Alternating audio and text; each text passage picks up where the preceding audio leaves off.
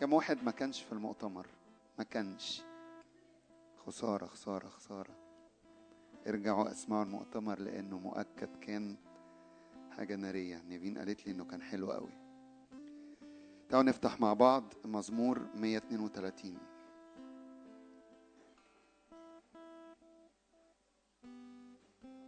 مزمور 132 هنقف نعبد مع بعض اللحظات اللي جاية بس. وإحنا بنعبد عاوز أحط كده آه، مبدأ نبقى مدركين وحاطينه قدام عينينا كلنا إنه العبادة والتسبيح هي إن أنا وأنتم بنقدم ذبيحة حية مرضية للرب. فاحنا مش جايين نطلب منه طلبات إحنا جايين نديه كياننا نديه حياتنا نديه تسبيحنا نديه عسنا نديه أصواتنا نديه رفع إيدينا. وإحنا بنقدم للرب الذبيحة بكل القلب ذبيحة كاملة. الرب بيستعلن الرب بيتراءى. فعاوز أشجعنا اللحظات الجاية وإحنا واقفين قدامه بنقدم ذبيحة حقيقية ليه. خلي عيني وعينك تتملي بيه خلي قلبي وقلبك يتملي بيه خلي كياني كله يتملي بيسوع بمجده بصوته ببهائه. آمين؟ مزمور 132 اذكر يا رب داوود كل ذله. كيف حلف للرب؟ نذر العزيز يعقوب لا أدخل خيمة بيتي لا أصعد على سرير فراشي لا أعطي وسنا لعيني ولا نوما لأكفاني أو أجد مقاما للرب مسكنا لعزيز يعقوب. هوذا قد سمعنا به في إفراطة وغدناه في حقول الوعر لندخل إلى مساكنه لنسجد عند موطئ قدميه. وده اللي إحنا هنعمله اللحظات دي ندخل فين؟ لندخل إلى مساكنه. فإحنا جايين ندخل إلى مسكن الرب إلى ديار الرب. لنجد لنسجد عند موطئ قدميه. وده جزء أو طريقة من طرق العبادة هي السجود. كمل معايا. قم يا رب إلى راحتك أنت وتبوت عزك. كهنتك يلبسون البر وأتقياءك يهتفون من أجل داود عبدك لا ترد وجه مسيحك. أقسم الرب لداود بالحق لا يرجع عنه. من ثمرة بطنك أجعل على كرسيك. إن حفظ بنوك عهدي وشهادتي التي أعلمهم إياها فبنوهم أيضا إلى الأبد يجلسون على كرسيك لأن الرب قد اختار صهيون اشتهاها مسكنا له. هذه هي راحتي إلى الأبد ها هنا أسكن لأني اشتهيتها. طعامها أبارك بركة مساكينها أشبع خبزا كهنتها ألبس خلاصا. وأتقياءها يهتفون هتافا. هناك أنبت قرنا لداود رتبت سراجا لمسيحي. أعداءه ألبس خزيا. وعلى داود يحصل إيه؟ يظهر إكليله. ف... ففي حاجة بتحصل ليها علاقة بالشبع في حاجة بتحصل جوايا وجواك ليها علاقة بحفظ وصايا الرب. فإحنا واقفين قدام الرب بكل قلوبنا بنعبد الرب بنعظم الرب بنبارك الرب وبنعلن إيماننا إنه في محضر الرب أعداءنا إيه؟ يحصل لهم إيه؟ يهربون. خدتوا بالكم هنا بيقول إيه؟ أنبت قرنا لداود رتبت سراجا لمسيحي. أعداءه ألبس إيه؟ متخيلين أي حاجة بتقاومك أي مقاومة من عدو الخير على مستوى الفكر على مستوى قداستي على مستوى حركتي على مستوى خدمتي. الرب يعمل إيه مع أعدائك اللي بيقاوموا دول؟ يلبسوا خزي. وأنا وأنتوا بنلبس إيه؟ وعليه يظهر إكليله. الرب يتوجنا بمجده. أمين. تعالوا نغمض عينينا كده ونعبد مع بعض. تعالوا ندخل مع بعض. ندخل إلى مساكنه. لنسجد عند موطئ قدميه. في هذا المكان الرب يجد راحة لي. في هذا المكان الرب يسكن. في هذا المكان الرب يرتاح.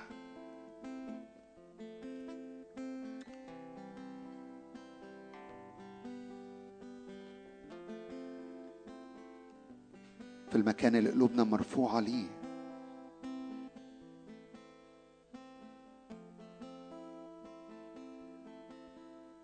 بنعظمك يا رب نديك كل المجد. بنرفع إيدينا ليك نبارك اسمك. هللويا.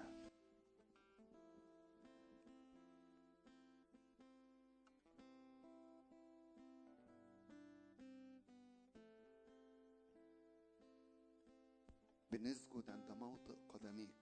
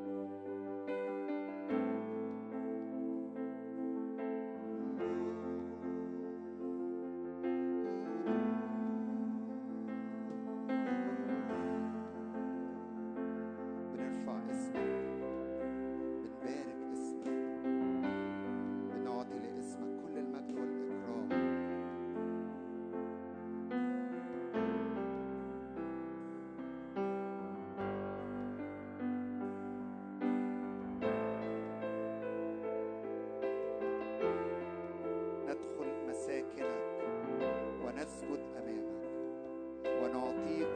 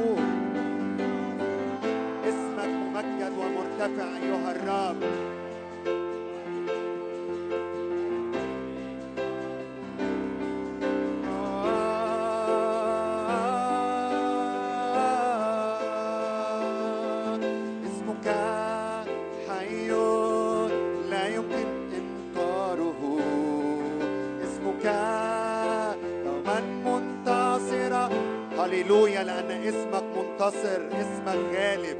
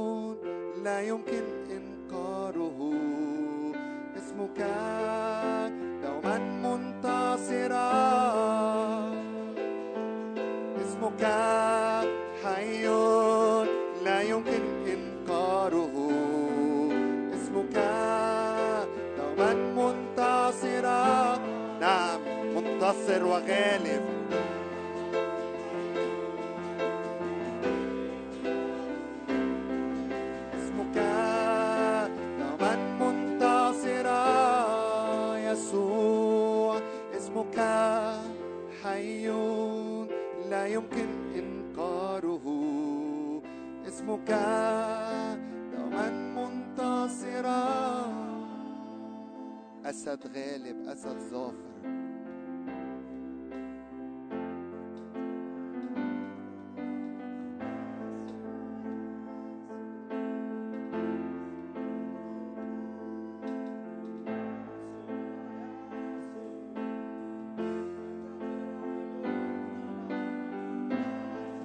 بنرفعك يسوع. بنعليك يسوع.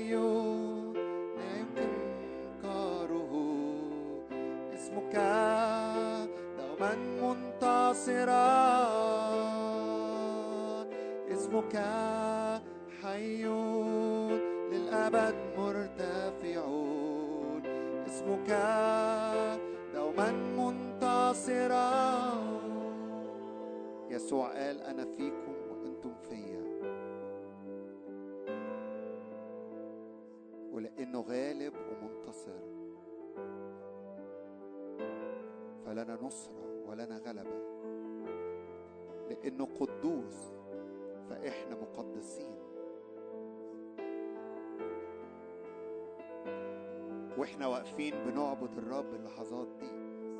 الرب بيطبع من صورته فينا من طبيعته فينا. هو فينا.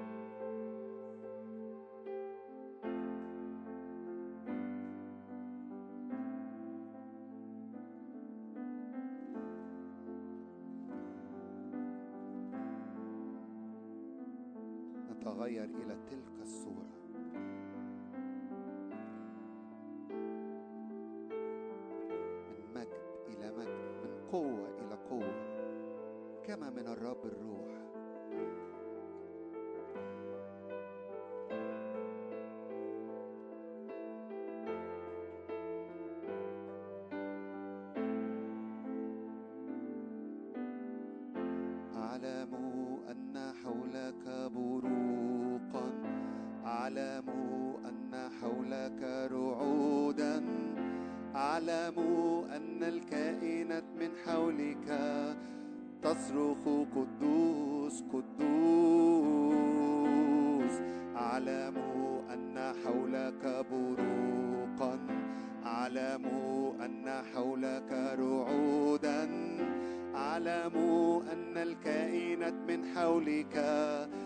تصرخ قدوس قدوس. أعلم أن حولك بروقا. أعلم أن حولك رعودا. أعلم أن الكائنات من حولك تصرخ قدوس قدوس. أرى سبع شعلاء متقدة بنار. أرى بحر زجاج ممزوج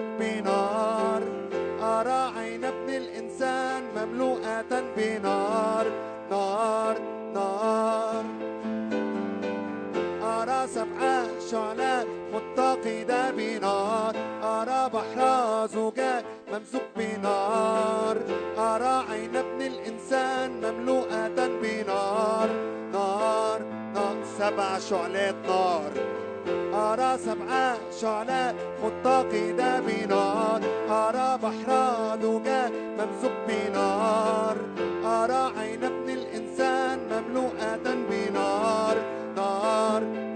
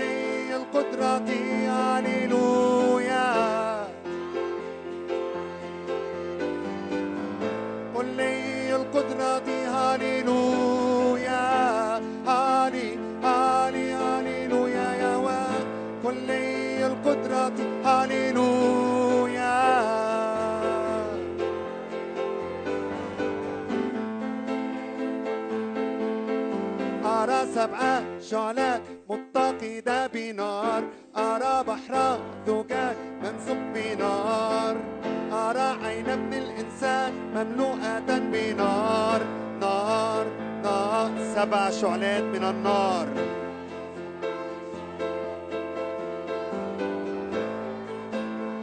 لمعان مجدك أيها الرب. نعم في النار المجد بيلمع.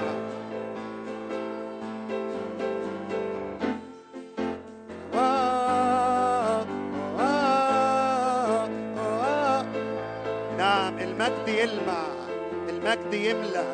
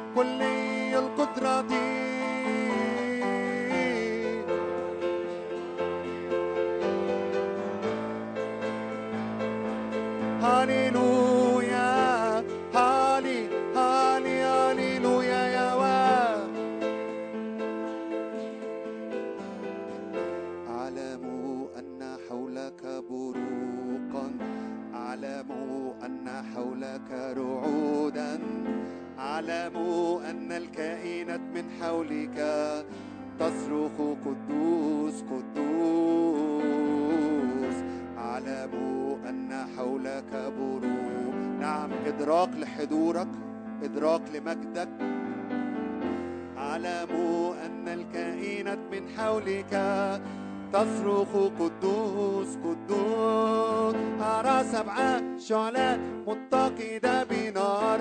أرى بحر زجاج ممسوك بنار.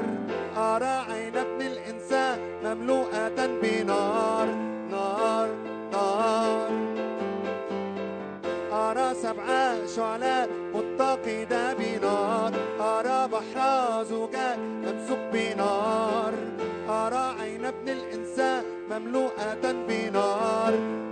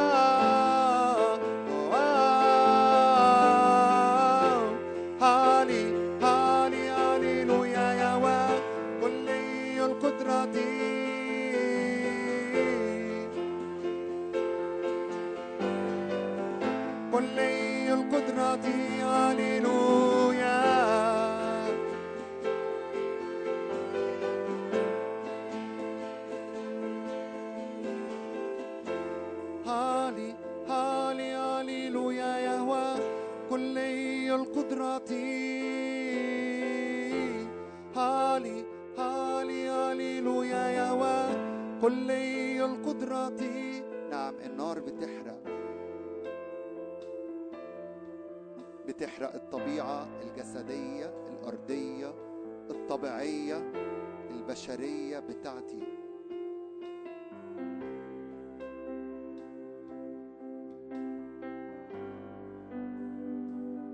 والمجد بيزداد المجد بيلمع.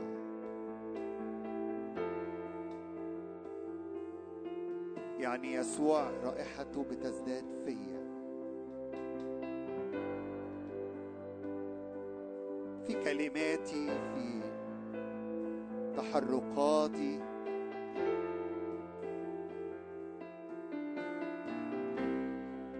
ينبغي أنك تزيد. المجد بيزداد. في نيران حضورك يا رب المجد بيزداد.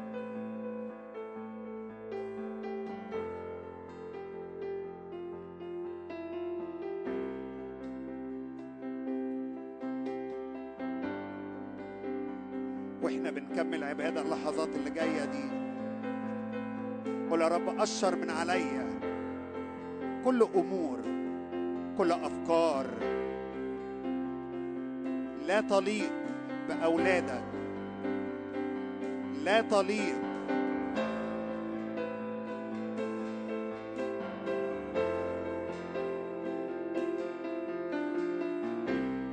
الرب يقشر من على أولاده الرب بيقشر من علينا الرب بيقشر من على كنيسته. ولا نعرج بين الفرقتين. نعم لا نعرج بين الفرقتين. بل نكون مملحين بملح.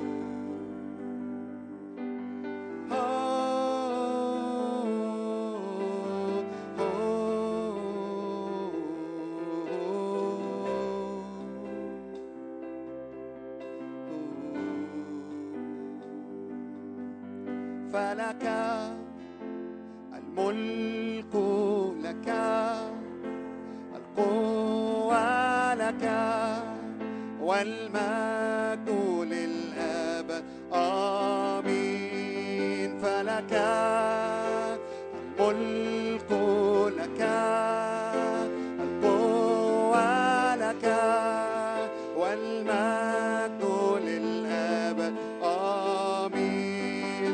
فلك في حياتي خد كل الملك. على قلبي خد كل الملك. والمجد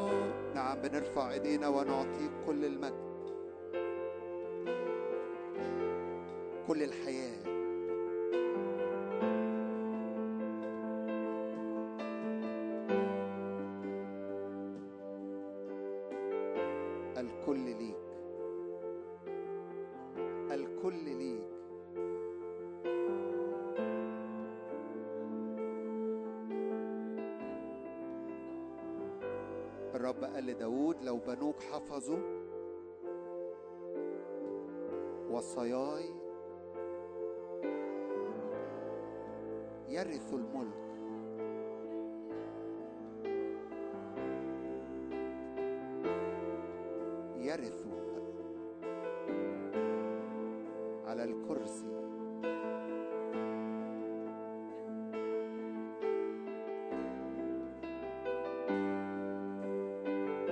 كل أراضي الرب عاوز يملكها لنا قل يا رب أحفظ وصاياك في قلبي.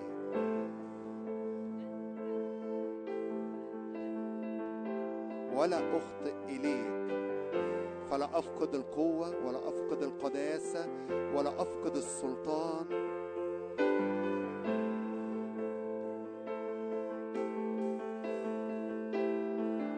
خد كل السيادة خد كل الملك.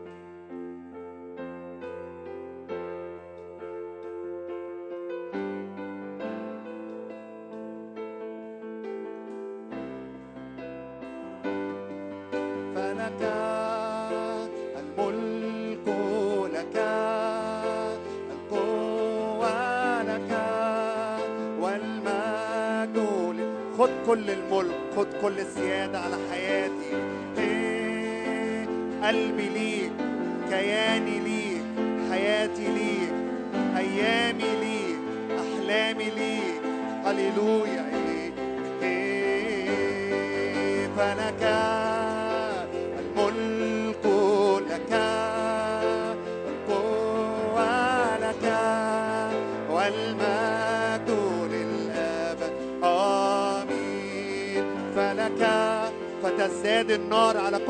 حاجة بديها للرب وبقدمها ذبيحة ليه.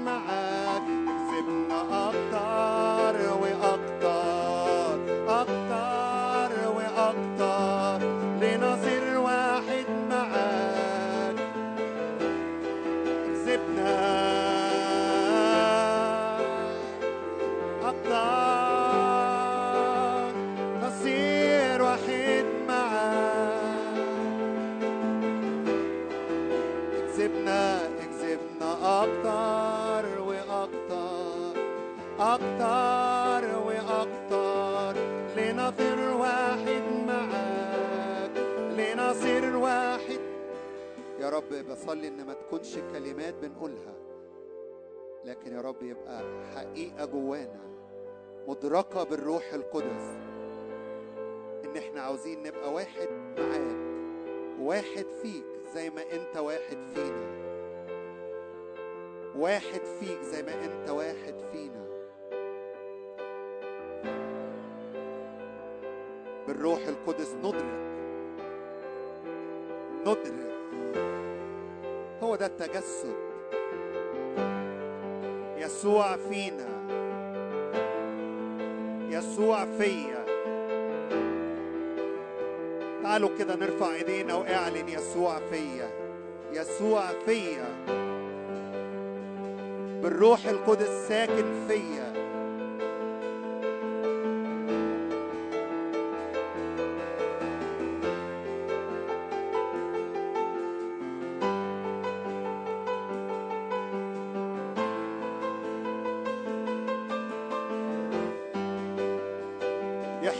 إدراك بالروح القدس في هذه اللحظات. والرب يسكب جوانا من طبيعته. يسكب من جوانا طبيعة إلهية. فالثمر اللي خارج مني هو الثمر الروح. محبة فرح سلام طول أناة وداعة تعفف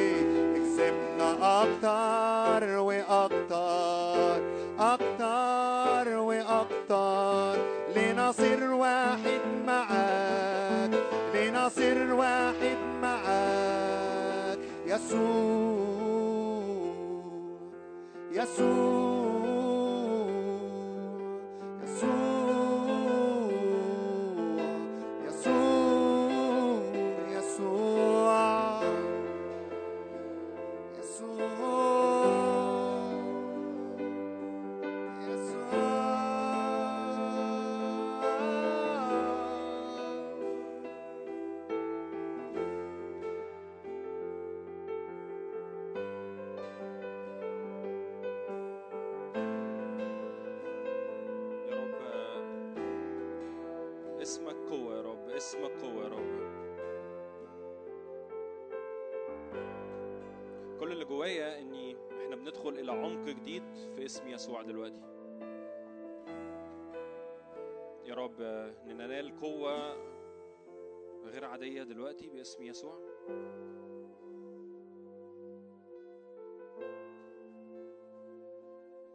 يا روح الله تعالى أكتر تعالى أكتر تعالى أكتر. تعالى املأ المشهد أكتر تعالى يا رب ارتاح فينا أكتر. يا رب إحنا بنحط قلوبنا قدامك دلوقتي.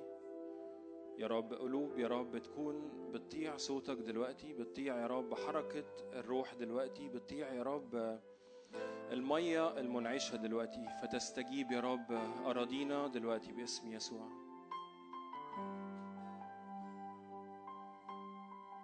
حط إيدك كده على قلبك معايا وصلي قول له يا رب تعالى دوب قلبي في محضرك. تعالى أغمرني بمحبتك دلوقتي. فالمحبة تطرح كل خوف إلى الخارج. تعالى يا روح الله ارتاح. تعالى يا روح الله ارتاح. تعالى يا روح الله بسلام غير عادي دلوقتي. املأ يا روح الله املأ يا روح الله. صوتك كصوت مياه كثيرة يا رب في القاعة كلها دلوقتي يا رب. املأ املأ املأ. يا رب مش عارفين نروح ولا يمين ولا شمال لكن بنثبت عينينا عليك.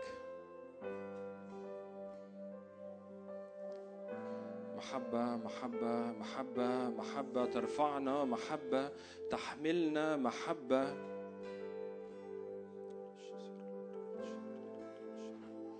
يا رب كلمات منعشة من عرش النعمة دلوقتي يا رب.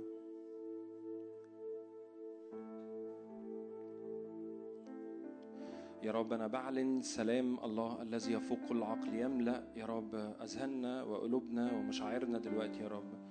يا رب أنا بصلي تاني يا رب. تعالى ارتاح في وسطينا دلوقتي يا رب. تعالى ارتاح يا رب في كل بذار يا رب نازلة من عرش النعمة دلوقتي يا رب.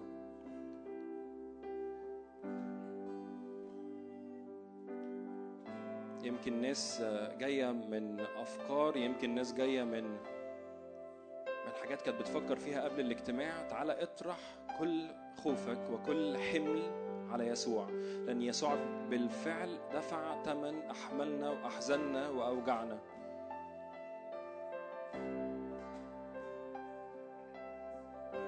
تعالى يا رب. تعالى يا رب بمياه منعشة تاني يا رب. تعالى يا رب بغمر ينادي غمر. تعالى يا رب بقوة نارية دلوقتي يا رب. تعالى يا رب كحل عينينا لكي نبصر الآن. تعالى يا رب وقع كل قشور عن عينينا يا رب. فننظر إليك. ننظر إلى رئيس الإيمان ومكمله.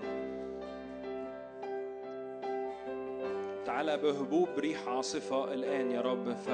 فيحصل معمودية بالنار فتحصل يا رب اختراقات فتحصل يا رب ينابيع تنفجر فتجري من بطننا أنهار مياه حية تعالى يا روح الله بذراعك القديرة تحملنا حيث تشاء أنت يا روح الله.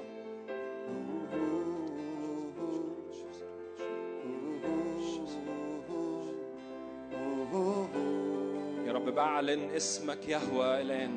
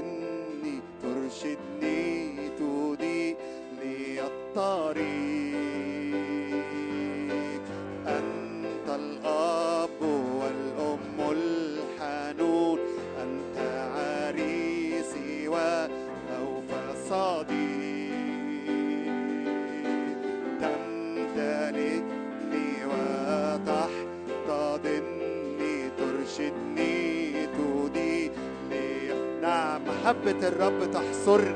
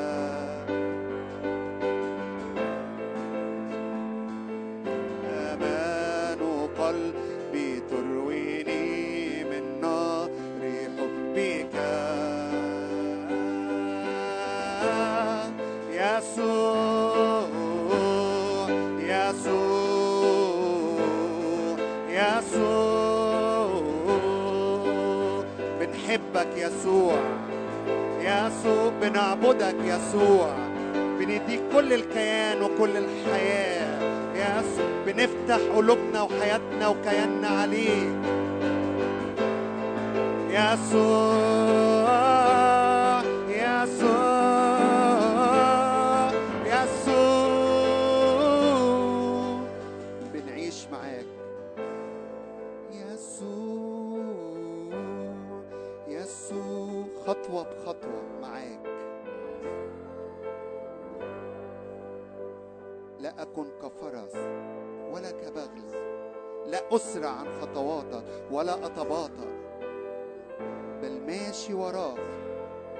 خطوة خطوة. خطوتي على خطوتك. يسوع خطوتي على خطوتك.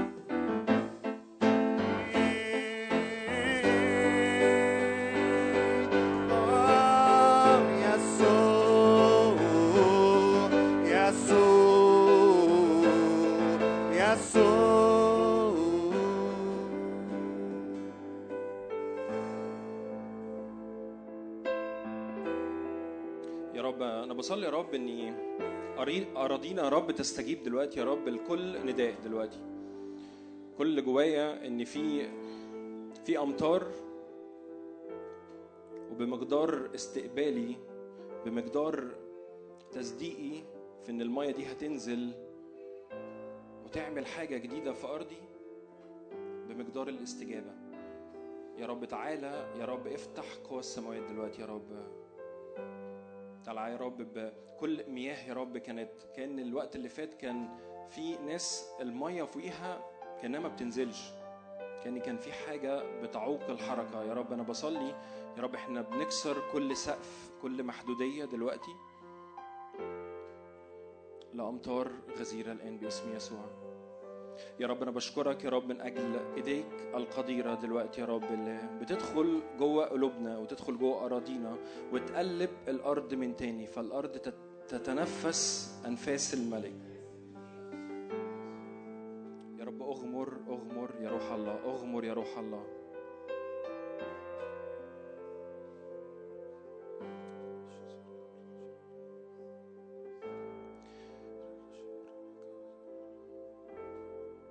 رب بشكرك من أجل كل اسم جديد يا رب.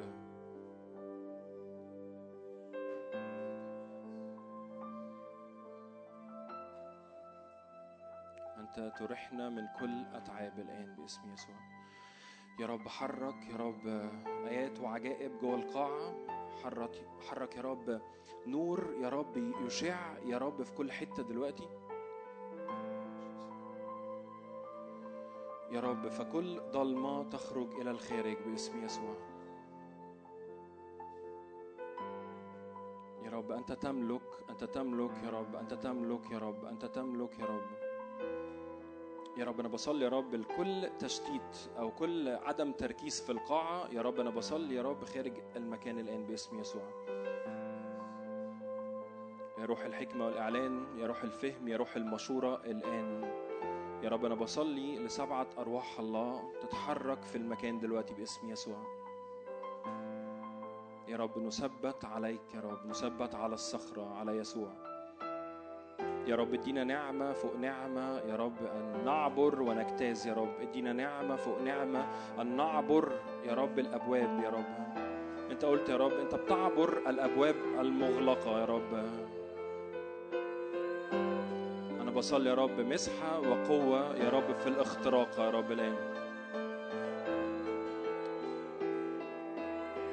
سواقي الله ملقانة مجد. يا رب أنا بصلي إني أنهارك وسواقي الله تتفتح. مخازن الله وهباته تتفتح علينا الآن باسم يسوع.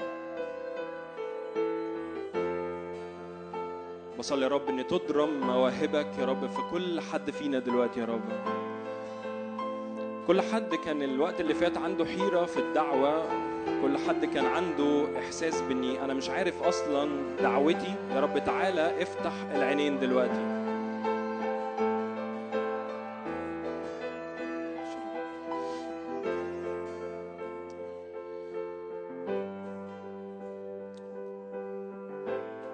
جوايا النهارده ان في ناس كان كان عندها حيرة رهيبة في موضوع الدعوة.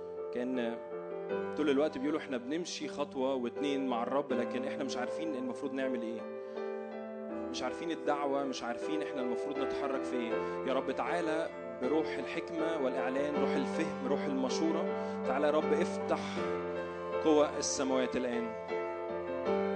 الاستقبال يا رب آه، نعمة جديدة يا رب وقوة جديدة يا رب للاستمرارية يا رب. وللغلبة وللنصرة وللفرح وللبهجة يا رب. املى رب أجواء المكان بفرح وبهجة غير عادية. املى روح الله باستجابات سريعة يا رب في القاعة باسم يسوع. املى بشفاءات يا روح الله.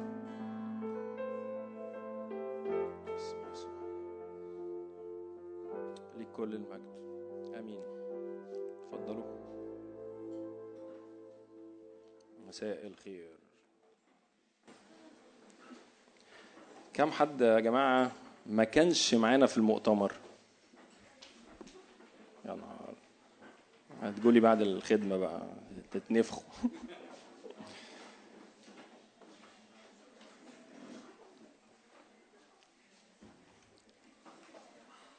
طيب الناس اللي ما جاتش المؤتمر أو ما جاتش لأي سبب من الأسباب إحنا المؤتمر متسجل وينفع تكونوا بت- بتسمعوه تاني؟ المؤتمر فعلا كان فيه نقلة ليها علاقة بالعلية. مش عايز أحرق لكم ال- الوعظات بس آه، بس أشجعكم ترجعوا تسمعوه يعني. أمين؟ أنا عندي سؤال كده. أنا هطلع بره البتاع ده عشان حاسس إن هو إيه. سؤال كده يمكن للبعض بيحس إني طول الوقت أنا يوم فوق يوم تحت يوم مع ربنا كويس ويوم مش كويس. حد بيسأل نفسه ليه؟ حد فكر يعني أنا اولكم يعني أوقات بحس إني أنا في حتة حلوة حلوة حلوة وفجأة بزز. يمكن في أسباب يمكن في مشكلة. هل في مشكلة فيا؟ هل في مشكلة في الكنيسة اللي بحضر فيها أو الاجتماع؟ ولا هل مشكلة في العيلة؟ كم حد فكر؟ طب حد وصل لحل؟ الحاجة دي دايما آه، بحس إني ملهاش ملهاش سن ملهاش عمر ملهاش إني آه، أصل أنا مش عارف آه، سني كام فبقالي كتير قوي مع ربنا فما أعرفش إيه. أو أو كم السنين اللي أنا آمنت فيها. يعني أنا بقالي 15 سنة مسلم حياتي فأنا إزاي أقع وأقف؟ هو أنا حاسس الصوت فيه حاجة ممكن مش عارف إيه بقى. يمكن ناس كتير بتقول إني أنا بقالي 15 سنة مسلم حياتي. طب يا رب ده أنا بقالي سنين قوي وبرضه لسه في نفس المشكلة لسه في نفس الحتة اللي بحس أنا بقع وأقف. أنا كتير كنت بسأل نفسي الأسئلة دي أول لما سلمت حياتي بس كنت ما كنتش عارف. لغاية لما اكتشفت إن أنا غالبا مش على أرض صلبة أو مش على حتة ثابتة أو غالبا أنا مش عارف للآخر أكيد إحنا مش مش هنوصل إلى المعرفة الكاملة بس قصدي على الأقل لو أنت بتبني عمارة أو بتبني مبنى فأنت محتاج تحط أساسات كويسة عشان تقدر تبني حاجة كويسة. فأنا كأني طول الوقت عندي تخيل في ذهني إن أنا محتاج أبني عمارة أو محتاج أبني مبنى واقف حيران مش عارف إيه اللي المفروض يحصل. وكأن دي حياتنا طول الوقت مع ربنا. أنا بشبه ده التشبيه يعني. إن طول الوقت كأني واقف قدام حتة أرض كبيرة وعمال أقول طب هو هو ليه ما بتتبنيش؟ هو إيه اللي حاصل؟ طب هو في حاجة غلط؟ طب هو أنا ما جبتش المواد اللي المفروض تتبني؟ طب فاهمين قصدي؟ بعدين اكتشفت إني غالبا أنا مش فاهم أصلا إن في أساس المفروض يتحط. مش فاهم إن المفروض يتحط أساس علشان أقدر أبني عليه العمارة دي أو ايا كان المسمى المبنى ده. يمكن المهندسين اللي هنا يفهموا بقى. بس بس كتير بحس إني أنا محتاج أتبني وأتأسس على كلمة ربنا. لا. ليه يا نوني؟ ليه؟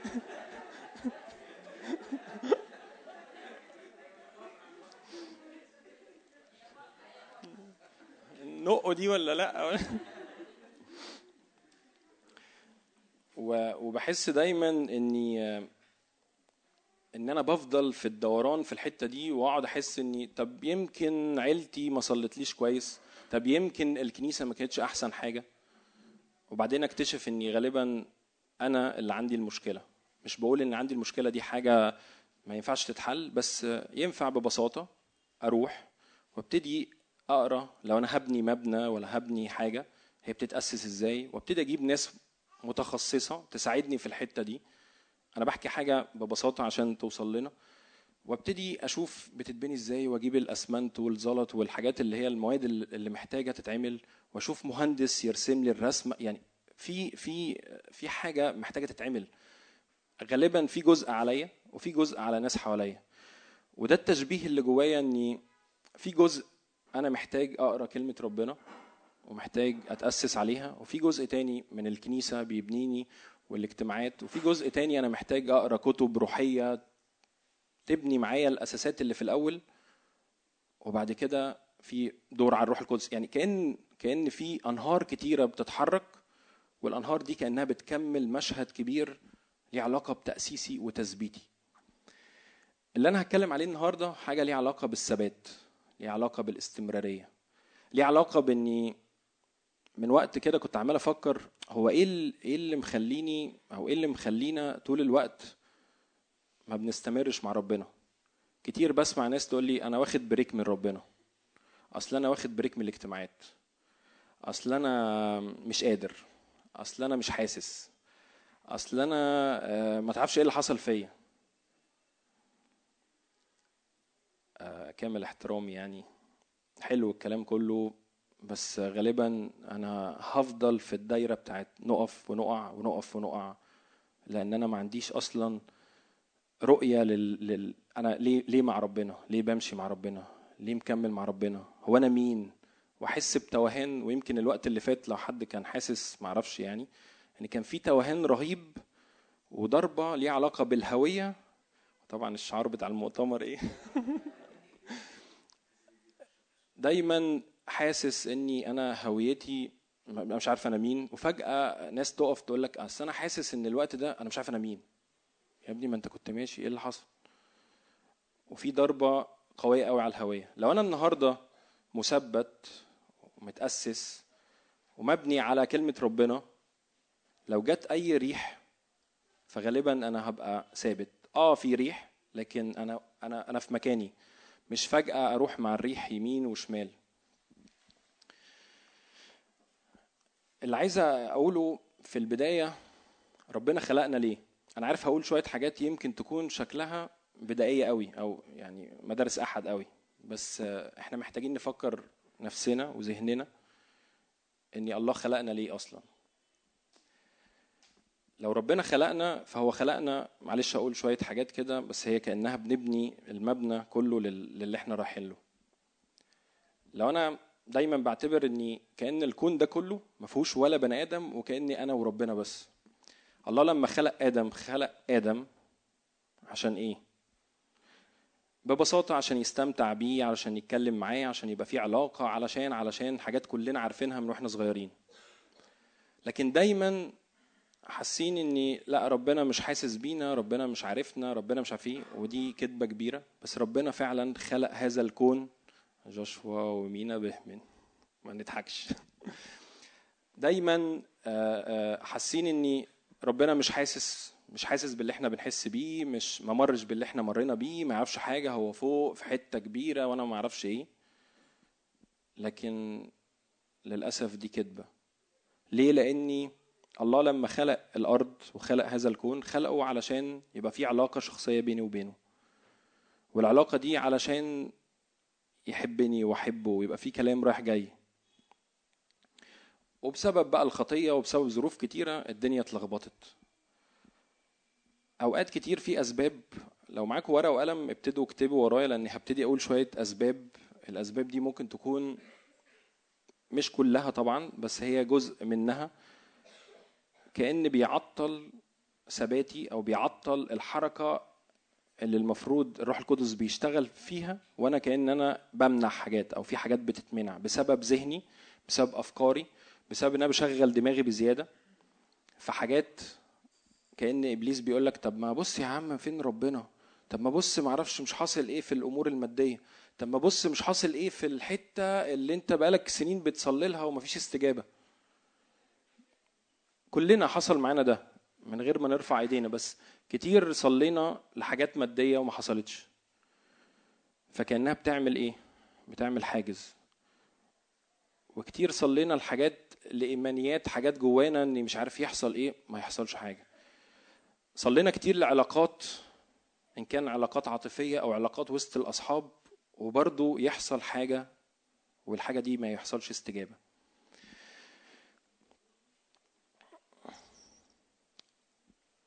أنا كنت كاتب حاجات كده اللي هي الحاجات اللي زي ما قلت لكم إن هي ممكن تكون شكلها دايما إبليس بيحطها قدامنا علشان يخلينا طول الوقت ما نبصش لربنا وكأن يعمل فاصل أو حاجز بيننا وبين ربنا. اللي هي الحاجات المادية إن كان المادية فلوس أو الحاجات اللي هي في العالم المادي إيه أنا ما عنديش العربية الفلانية إيه أنا مش عارف إيه بدخل في مقارنات بدخل في حاجات وكأن طول الوقت إبليس يروح رامي قدامي حاجات. المشاكل في العلاقات كل ده كأنه بيحط حاجز ورا حاجز ورا حاجز. وأنا في البداية لو إحنا حكينا إن أنا مش متأسس فغالبا هتبقى كل الحاجات دي بتعوق الحركة. ال- المشاكل في العلاقات المشاكل في الإيمانيات بيني وبين ربنا. طيب أنا النهارده أنا قلت يمكن شوية حاجات منهم لكن يمكن في حاجات كتير قوي. طب إمتى أقدر أقول إن أنا متثبت كويس أو أنا فعلا متاصل كويس أو أنا آه، الشجرة بتاعتي جايبة لحتة عميقة قوي في الأرض؟ ده سؤال فكر فيه كده. لو أنا النهارده عندي نفس الإحساس بإني أنا مش متثبت أنا مش بلوم حد ولا ولا دينونة لحد ولا أي حاجة بس أنا بفكر أنا بأمانة بفكر قبلكم. هل أنا متثبت صح؟ هل أنا مت في آه، آه، لو جت رياح قوية هتشيلني من مكاني وتخبطني في حتة تانية ولا هفضل ثابت؟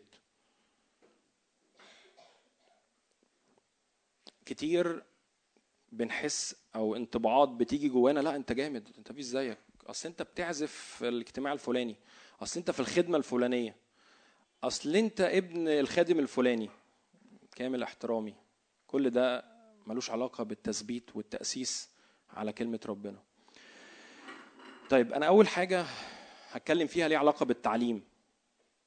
لو أنا النهارده مفيش تعليم من الكتاب المقدس فغالبا أنا أرضي مش مثبتة.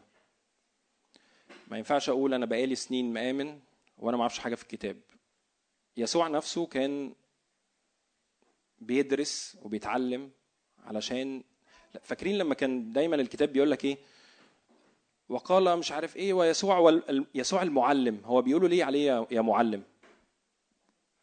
مش مش معلم يعني يا معلم يعني يعني اللي فاهم لا معلم دي يعني هو واصل لدرجة من الدرجات التعليم في ال... في ال... في وقتها ومذاكر. وكان مش بقى يسوع مرة واحدة مش بقى مش مش فجأة بقى عنده التعليم الرهيب لا هو مشي في في مراحل والمراحل دي شكلها تعليمية وذاكر وعدى في الحتت دي حد عنده شك في ده؟ حد عنده شك إني لو أنا النهارده في كلية فلانية وأنا مش بذاكر فأنا غالبا هروح لحتة تانية خالص؟ لو أنا في كلية اسمي دكتور أو مهندس أو ايا كان المسمى وأنا مش بذاكر فغالبا نتيجتي هتبقى في الآخر يا هسقط يا مش هكمل يا هيرفضوني من الكلية. هي نفس الفكرة. لو مفيش تعليم في الكتاب المقدس فأنا غالبا هروح في حتة تانية خالص آه يعني ممكن أسلم حياتي وهروح السما بس غالبا هتقعد الدنيا تخبط فيا واخبط في الدنيا ونقعد نتخانق مع بعض في الحياة وفين ربنا.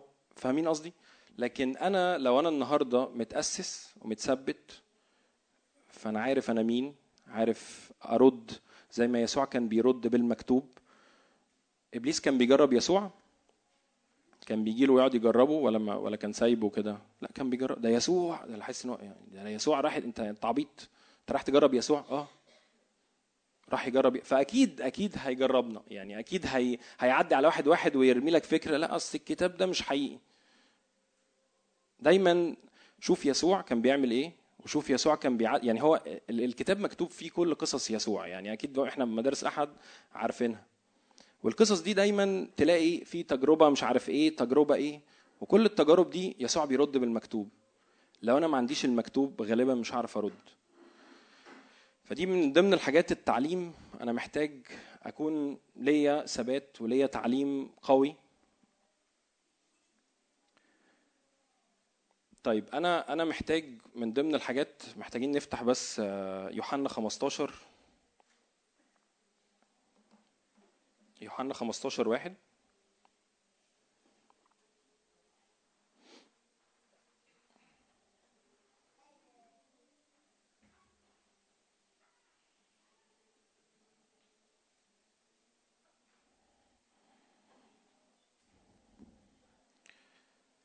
ال ال ال إيه أكتر حد إحنا محتاجين نكون متثبتين عليه؟ هو يسوع. هو الكرم لو أنا النهارده مش متثبت على يسوع فغالبا أنا متثبت على أي تعليم تاني. خلينا نقرأ كده بصوت عالي مع بعض. أنا الكرم الحقيقي وأبي الكرام.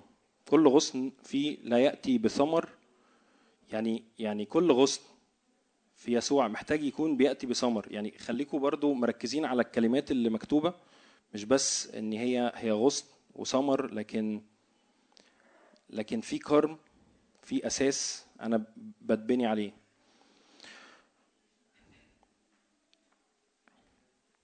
خلينا نقرأ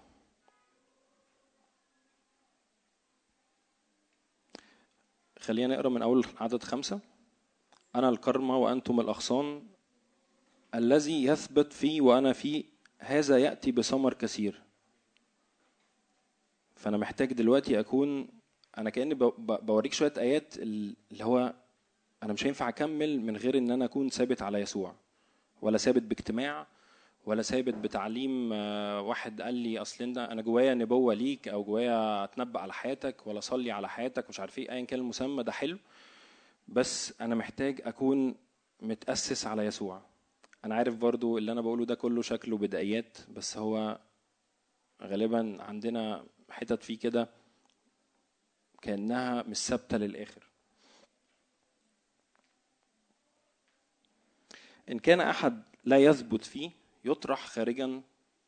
يعني لو لو ما فيش أنا عارف الآيات يمكن تكون موضحة وقايلة نفسها بس أنا كل اللي جوايا إني أنا محتاج أكون بتبني على الكرم بتبني على الأساس يسوع. زي ما قلت لكم يمكن يكون بشوف يسوع بيتحرك في إيه وبيعمل إيه وأنا محتاج أعمل أكون بعمل زيه. فأنا من ضمن الحاجات اللي أنا محتاج أتثبت عليها هي يسوع هو التعليم الحقيقي هو إن أنا أكون بلهج بالكلمة. في ناس كتير تقول لي طب أصل أنا باجي أقرأ وبحس إني أنا مش فاهم حاجة. أنا بقرأ الكتاب وحاسس إن أنا هيروغليفي يعني صلي قبليها أقول له يا رب تعالى افتح عينيا. إني أكون بشوف الكلمة دي تكون فعلا هي نبع الحياة النبع اللي فيها بشبع منك النبع اللي فيها برتوي منك.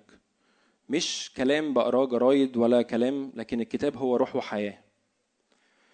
فأنا أول حاجة محتاجة تأسس عليها هي التعليم. لو أنا النهارده مين بيلعب رياضة هنا؟ حلو. لو حد فيكم بيلعب رياضة ما بيروحش يتمرن غالبا هيحصل له إيه؟ المدرب تقريبا هيمسكه ويقول له كلمتين وغالبا هو مش هيوصل لنتيجة. لو واحد بيروح جيم يعني ماشي؟ هو ماريو مش موجود. لو واحد بيروح جيم لو واحد بيروح جيم وهو مقرر يلخبط في الأكل ما ينامش كويس ومقرر إن هو يعمل كل حاجة هو عايزها ويلعب التمارين على مزاجه ويدخل عارفين اللي هو يعدي على كل آه، الأجهزة مش عارف إيه وبتاع. من غير ما حد يقول له أنت رايح فين ولا جاي منين ولا حتى يحط آه، إرشادات أو قوانين اللي هي المفروض علشان أوصل إن أنا إن كان مش الجيم بس أي ايا كان اللعبة أو الرياضة اللي أنا بلعبها فغالبا هلبس في الحيطة. أنا بتكلم ببساطة لأني حاسس إني لو أنا حياتي مع ربنا ما فيهاش نفس ال concept أو نفس الفكر فغالبا هلبس في الحيطة. ليه؟ لأني لو كلت أكل مش صحي ولو اتعلمت تعليم غلط أصل أمير قال لي لا اصل الجيم بيتلعب معرفش التمرينة كذا كذا كذا وهو أصلا ما بيلعبش جيم أو معرفش مين عارفين كأن بنعدي أوقات وسط الاجتماع نسأل هو يعني إيه محبة ربنا؟ ما ترجع حبيبي للكتاب اسال, اسأل ربنا يا رب أنت إيه إيه اللي بتتكلم عن المحبة؟ جوجل مفيش أسهل منه. يعني تكنولوجيا اكتب يعني إيه إيه محبة ربنا؟ هتلاقي كمية مواضيع ودروس وذاكر اقرأ. لو أنا بروح الجيم وأنا باكل أكل مش صحي فغالبا جسمي هيبقى هقعد أزق أزق أزق وألعب تمارين وغالبا مش هوصل لنتيجة. الحياة الروحية كده. لو مفيش تعليم مفيش غذاء روحي مفيش حاجة أنا مبني عليها فغالبا هقعد أقع وأقف وأقع وأقف كتير كتير كتير كتير. هحس إني أنا بنفخ في قربة. حد حس كده قبل كده من غير ما ترفعوا ايديكم أنا حسيت كده كتير. آه، عمال أنفخ في حاجة وغالبا أنا ولا كنت بقرأ كتاب كويس.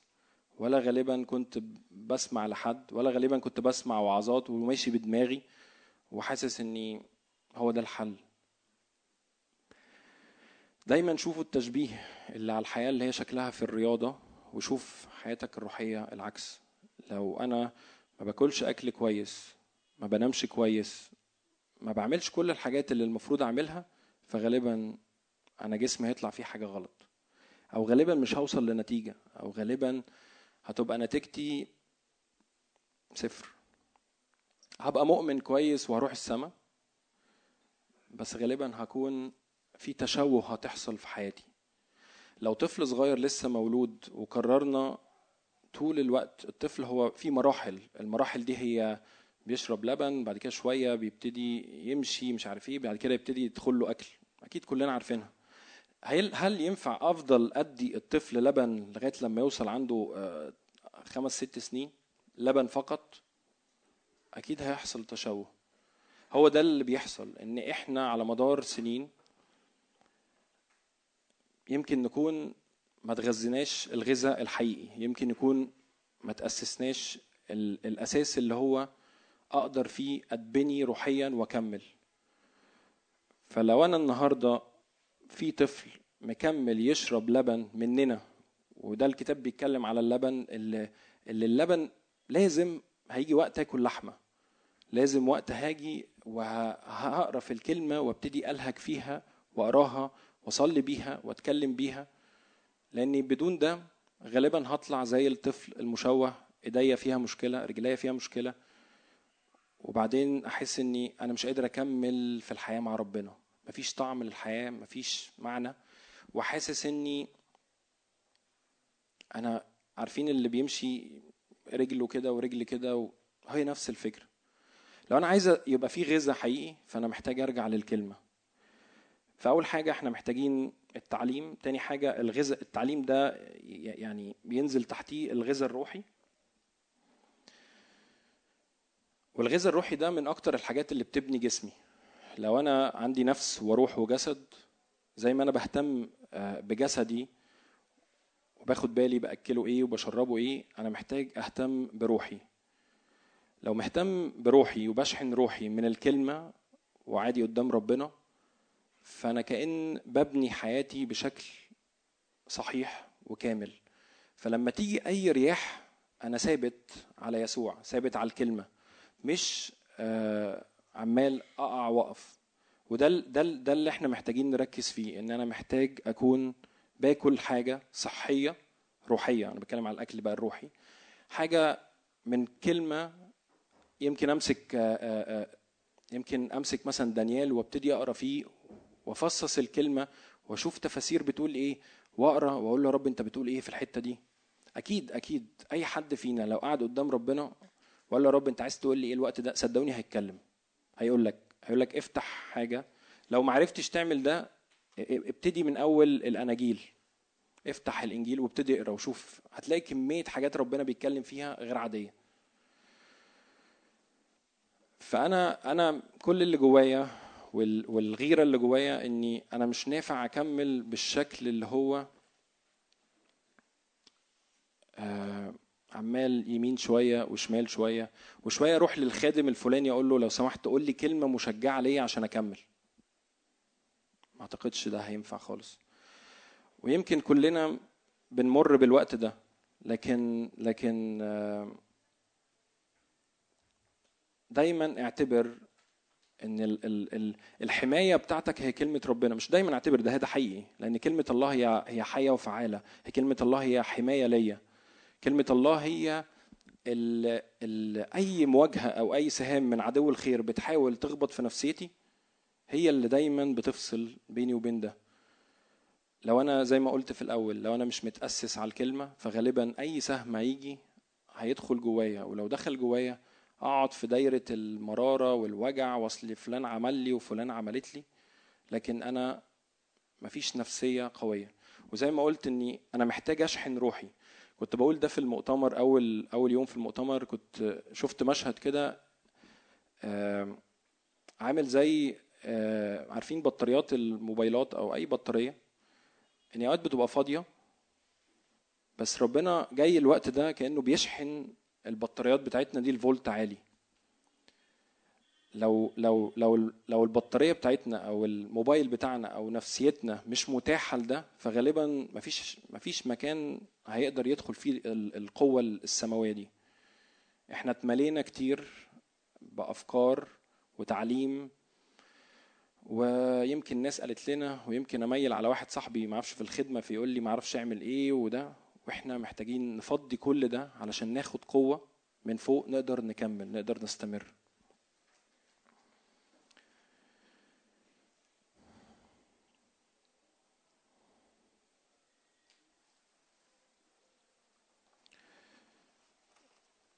طيب كتير آه، الحتة بتاعت الذهن قوي دايما أفكارنا أو دايما أفكارنا هي اللي بتوجهنا. أو دايما اللي بنسمعه لو أنا قاعد في مجتمع كله بيشتكي فغالبا أنا هشتكي زيهم. لو قاعد في مجتمع آه، دايما بيحسوا إني آه، إن الحياة وحشة وان الحياة محبطة وان الفلوس معرفش إيه فغالبا أنا هتكلم بنفس اللغة بتاعتهم. أنا محتاج أجدد ذهني. محتاج أجدد ذهني وتجديد الذهن ده أنا يمكن هقول لكم شوية آيات في الآخر بس مش عايز يعني عايزكم بس تكونوا بتركزوا في الحتة دي إن ذهننا ده هو عامل زي الدفة أو الحتة اللي فيها زي المركب اللي هو ممكن يودينا يمين وممكن يودينا شمال خالص. لما بسيب فكري لإبليس فغالبا بيوديني في حتت بلبس في الحيطة ولما بسيب فكري للعالم فغالبا برضو بلبس في الحيطة. أنا محتاج أجدد ذهني. أجدد ذهني ليه؟ لأني أقدر أكون ليا فكر المسيح. أقدر أكون في حاجة بتفصلني بين الكلام بتاع العالم والكلام اللي جاي من الروح القدس. لو أنا ما عنديش التعليم الحقيقي أو أنا مش عارف الكتاب بيقول إيه فغالبا ذهني هي هي هيوجه ناحية اللي العالم بتقوله. العالم بيقول لك أصل في إحباط. آه في إحباط. بس هو يسوع هو ال- القوة بتاعتنا. يسوع هو اللي بيدينا الغلبة إن إحنا نكمل. يسوع لما كان في في المركب التلاميذ كلهم قعدوا يصوتوا والموج هاج والدنيا قامت. وهو قام ببساطة شديدة فقال لهم مالكوا في إيه؟ اللي هو في إيه مالكوا؟ فقعدوا يقولوا له يا معلم ما أعرفش الموجة إيه وبتاع. هو قال ببساطة سلام الدنيا كلها. هنلاقي في يمكن حاجات شكلها بتطلع وتنزل وموجة عالي. لو أنا ما عنديش سلام يسوع لو أنا ما عنديش ال- ال- التعليم اللي بيقول إني بالسلطان بإني رئيس السلام هو فيا في البوزيشن ده فغالبا أنا مش هعرف أوقف الموجة. مش هعرف أهدي الموجة الدوشة العالم الذهن الخلاط اللي بندخل فيه. فأنا الحاجة التانية اللي أنا محتاج أعملها محتاج أجدد ذهني. محتاج أجدد ذهني. ويمكن ال- الآيات اللي هي في روميا 12 2 لو تحبوا تفتحوها يعني. لا تشكلوا هذا الدهر بل تغيروا عن شكلكم بتجديد أذهانكم لتختبروا ما هي إرادة الله الصالحة المرضية الكاملة. فأنا في دور عليا محتاج أعمله. زي ما أنا محتاج أتعلم محتاج يليه التعليم هو تجديد ذهني. تجديد ذهني بكلمة الله. يعني هي نفس ال... في نفس الدايرة. لما بيحصل إن أنا بجدد ذهني في حاجة بتحصل جوايا. إنسان الروح جوايا بيتبني. زي ما واحد بيروح الجيم بيعمل عضلات فالعضلات دي ليها تأثير بيبان على انسان يعني بيبان على جسدي. في عضلة طلعت لي ال bi وال tri والمش عارف إيه والحاجات دي. أنا نفس الفكرة. إنسان الروح ده كأنه إنسان جنبي مش كأنه هو إنسان جنبي والإنسان ده ممكن يبقى حجمه قد كده. يمكن الناس اللي بتشوف في الروح آه، يعني تقول لك ده إن في ناس بتشوف واحد يمكن شكله عملاق قوي لكن إنسان الروح بتاعه كأنه صغير قوي. ودايما السؤال هو ليه إنسان الروح بتاعه شكله صغير مع إنه الراجل اللي واقف قدامي طول بعرض؟ هو ببساطة مفيش غذاء بيروح لإنسان الروح فغالبا هو حجمه كده. فاهمين قصدي؟ أنا محتاج يحصل نمو لإنسان الروح. إنسان الروح بتاعي ده بينمو إزاي؟ بكلمة الله. لما لما إنسان الروح يكبر جوايا أو يكبر ايا كان هو جوايا حواليا ايا كان المسمى في قوة خارجة مني في قوة وعينين مفتوحة تقدر تشوف اللي حاصل في العالم وتقدر تواجهه. لو واحد عامل عضلات وقلت له زق العربية دي هيقدر يزقها. عن عكس واحد تاني شكله طفل صغير 8 سنين وقلت له زق العربية مش عارف يزقها. لو أنا عندي مواجهات بتقابلني أو مشاكل بتقابلني وأنا ما عنديش عضلات ما عنديش حاجة أزق بيها فغالبا أنا مش عارف أكمل. فأنا محتاج أكون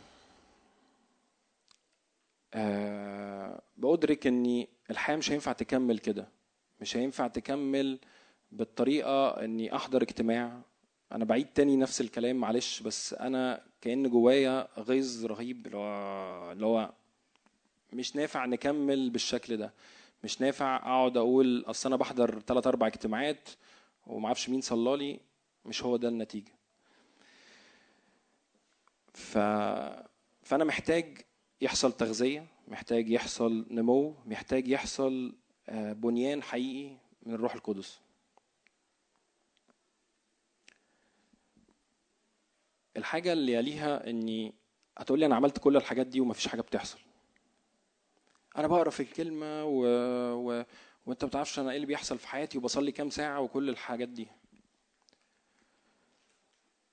أنت محتاج تزق تدوس بنزين. يعني إيه تدوس بنزين؟ الحياة مش سهلة.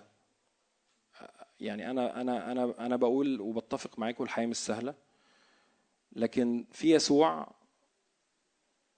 بينفع يدينا قوة إن ندوس بنزين. يعني إيه أدوس بنزين؟ يعني أنا النهارده مش قادر. نفسيتي مش قادرة. فمش هطبطب عليها بقى وآخدها على جنب ونقعد بقى مالك يا حبيبتي وبتاع وطب تعالي نعزمك على حاجة تشربي. أوقات كتير قوي محتاجين نقول لجسدنا لأ. يعني نقول له لأ إزاي؟ يعني يعني يعني أنا لو لو أنا النهارده حاسس إني لأ أنا مش قادر أقعد أصلي. مفيش حاجة اسمها مش قادر أقعد أصلي. أنا برضو بقول لكم الكلام ده وممكن البعض يحس لأ هي مش بتيجي كده. للأسف هي بتيجي كده. لأن جسدنا بسبب الخطية واليوم بتاعنا واللي بينزل شغل والتربية والتعليم في في المدارس والحاجات الكتيرة دي كأنها عملت على مدار السنين أفكار متغالطه وأفكار بتقلنا وكأني أنا طول الوقت منحني. لو أنا النهارده عايز أتفرد و... و... وأقدر أشوف يسوع وأقدر أتعامل وأقدر أتحرك في الملكوت على الأرض أنا محتاج أعمل حاجة. زي ما الشخص بيروح الجيم بيتمرن ففي ثمر لده أو في نتيجة لده أنا حياتي مع ربنا لما باجي أتعلم وأقرأ وأقعد أصلي ويبقى في جهاد روحي أو في حاجة بزق لها في نتيجة. الحياة الحياة ما بتخلصش في إني أنا بسمع اجتماعات ولا إني حياتي حلوة ولا لأ في حاجة أنا محتاج أعملها محتاج أزق محتاج أقول لجسدي لأ محتاج آخد نفسي وأقعد قدام ربنا. البعض مننا يقول لي طب أنا مش قادر. لازم تقدر بمعنى إيه؟ إني صلي قول له يا رب اديني قوة. افتح المزامير واقرأ. افتح افتح تسبيح وابتدي اقرا صلي بألسنة. ابتدي مجد ربنا. علي اسمه. قول له يا رب انت صالح وإلى الأبد رحمة. ابتدي شوف الحتة بتاعت الصليب ويسوع وإزاي. ابتدي املى ذهنك وقلبك ونفسيتك بيسوع. بالحب العظيم اللي يسوع فيه جه. وفدانا وقام وكل ده عشاننا. فتلاقي تبتدي فكرك يتغير فتبتدي تحس إن في مية ابتدت تتحرك. فالمية لما تتحرك تبتدي تقوم وتصلي و... فاهمين قصدي؟ أنا معرفش أنا شخصيا بعمل كده. مش كل مرة داخل قدام ربنا الحياة وردي. مش كل مرة داخل حاسس إني أنا طاير واجنحه طالعالي وبطير. لا. عندي ظروف وعندي تحديات وعندي شغل وعندي ومتجوز عندي كمية حاجات ممكن تخليني أقلب الترابيزة واول واحد أمشي. بس بقرر ما أخضعش للأفكار بتاعتي اللي هو لا أصل مش قادر النهارده. لو رايح الجيم وباصص على النتيجة وعلى الهدف الأغلى الحياة الأبدية اللي إحنا رايحين لها اللي إحنا إحنا هنعيش كام سنة هنا في الأرض؟ 50 60 على على عمرنا 100 سنة تاني. هو وقت قليل جدا لكن وقت فيه أنا محتاج أستثمر محتاج أكون بفعل كل حواسي. وإنجاز التعبير كأني بحط كل نفسي وروحي وجسدي في يسوع. جون كان بيتكلم في حاجة ليها علاقة ب... وإحنا في المؤتمر بيقول إني ف... يعني بما معناه إني أنت في آخر أيام لما تيجي على وانت خلاص بتموت يعني ربنا يديك طولة العمر. هتاخد معاك حاجة؟ يعني هل مثلا الشغل بتاعك هيبقى الدكتور الفلاني الفلاني؟ أي نعم بيكتبوا أوقات الدكتور مش عارف إيه. أصلي المهندس مش عارف مين. صاحب الشركة العظيمة اللي مش عارف إيه. غالبا ما مش هياخد حاجة معاه. هو بيبقى معتقد إن هو بيعمل حاجة رايح لها. آه بيعمل حاجة في الأرض ونتيجتها في الأرض بس مش رايحة معاه في حتة. لو أنا ببص النهارده أنا حياتي مع ربنا رايحة فين فغالبا هتحمس أو في نار هتحصل جوايا إني أكمل في الطريق ده. أنا عارف إن الكلام شكله مش جديد وكلنا عارفينه بس إحنا بنجدد ذهننا دلوقتي. كأن بن بن بنرفرش دماغنا دي اللي حفظت وسمعت وعظات كتير لكن ما بتعملش بيها حاجة. يعني أنا كنت ممكن أوعظ وعظة تانية خالص بس أنا حتى كنت بحكي إني أنا غيران جدا على ان مفيش استمرارية. مفيش حد النهارده بكلمه غير لما يقول لي أنا مش قادر أكمل. أنا مش قادر أكمل زيك. تعال نقف مع بعض و... ما هو أنا لو ما كملتش غالبا هبقى في حتة تانية خالص. أنا محتاج أشوف ال... ال... النتيجة. محتاج أشوف أنا رايح فين. محتاج أشوف أنا بستثمر في إيه. ده الشخص اللي على الأرض اللي فتح مشروع بيعمل بلان بيعمل خطة وبيعمل معرفش إيه ويقول لك أنا هيحصل بعد ثلاث سنين هيحصل إيه وبعد عشر سنين هيحصل إيه فهوسع الشركة بتاعتي لايه ما أنت النهارده محتاج تسأل سؤال لنفسك أنت رايح فين؟ يعني أنت أنت أنت بعد سنتين هتبقى فين؟ بعد خمس سنين أنت عارفين لما حد بيعمل interview كده ويروح قاعد قدامك أنت شايف نفسك فين بعد مش عارف بعد بكرة؟ مرفوض. انت شايف نفسك فين بجد؟ انت شايف نفسك فين في حياتك دلوقتي؟ انت شايف نفسك فين بعد خمس سنين؟ مش شرط تكون بتعمل الخدمة العظيمة اللي ما أعرفش طالع ماسك مايك ولا ما أعرفش بتعمل إيه مش شرط. أنا كنت بصلي صلاة في الأول وده اللي مشغول بيه قوي النهارده اللي هنصليه في الآخر إن ربنا يفتح عينينا ويفتح قلوبنا فنشوف الدعوة بتاعتنا. والدعوة دي مش شرط إن هي تحصل بكرة. أنت ماشي يعني اللي بي هدي التشبيه برضو بتاع الجيم تاني. اللي بي اللي بيطلع عضلات هو مش بيطلعها في يوم وليلة. ما ينفعش. في في في في إن بيحرم نفسه من حاجات. في إن هو بيقرر يفضل يلعب كل يوم تمارين. في إن هو بيمشي على أكل صحي. في حاجات محتاج أعملها. ما ينفعش أقول أنا عايز أبقى زي الخادم الفلاني أو زي معرفش ولا حتى أكون شبه يسوع وأنا ما بعملش حاجة قاعد في بيتنا مربع إيدي وحاطط رجل على رجل وبسمع ترانيم وهي و... مش هينفع. أنا بتكلم جد. لا. ممكن آه. أبو الرجل الناحية التانية. مش مش هينفع تكمل نفس نفس نفس الفكرة إني أنا أنا محتاج أبقى مدرك إني لو أنا ما خدتش غذاء روحي وما خدتش حاجة روحية غالبا ما فيش حاجة هتحصل. آه ودايما لازم أبقى حاطط ال ال الهدف قدامي إني أنا محتاج أفهم إن الحياة على الأرض هي مؤقتة ومهما طالت مهما قصرت هي مؤقتة.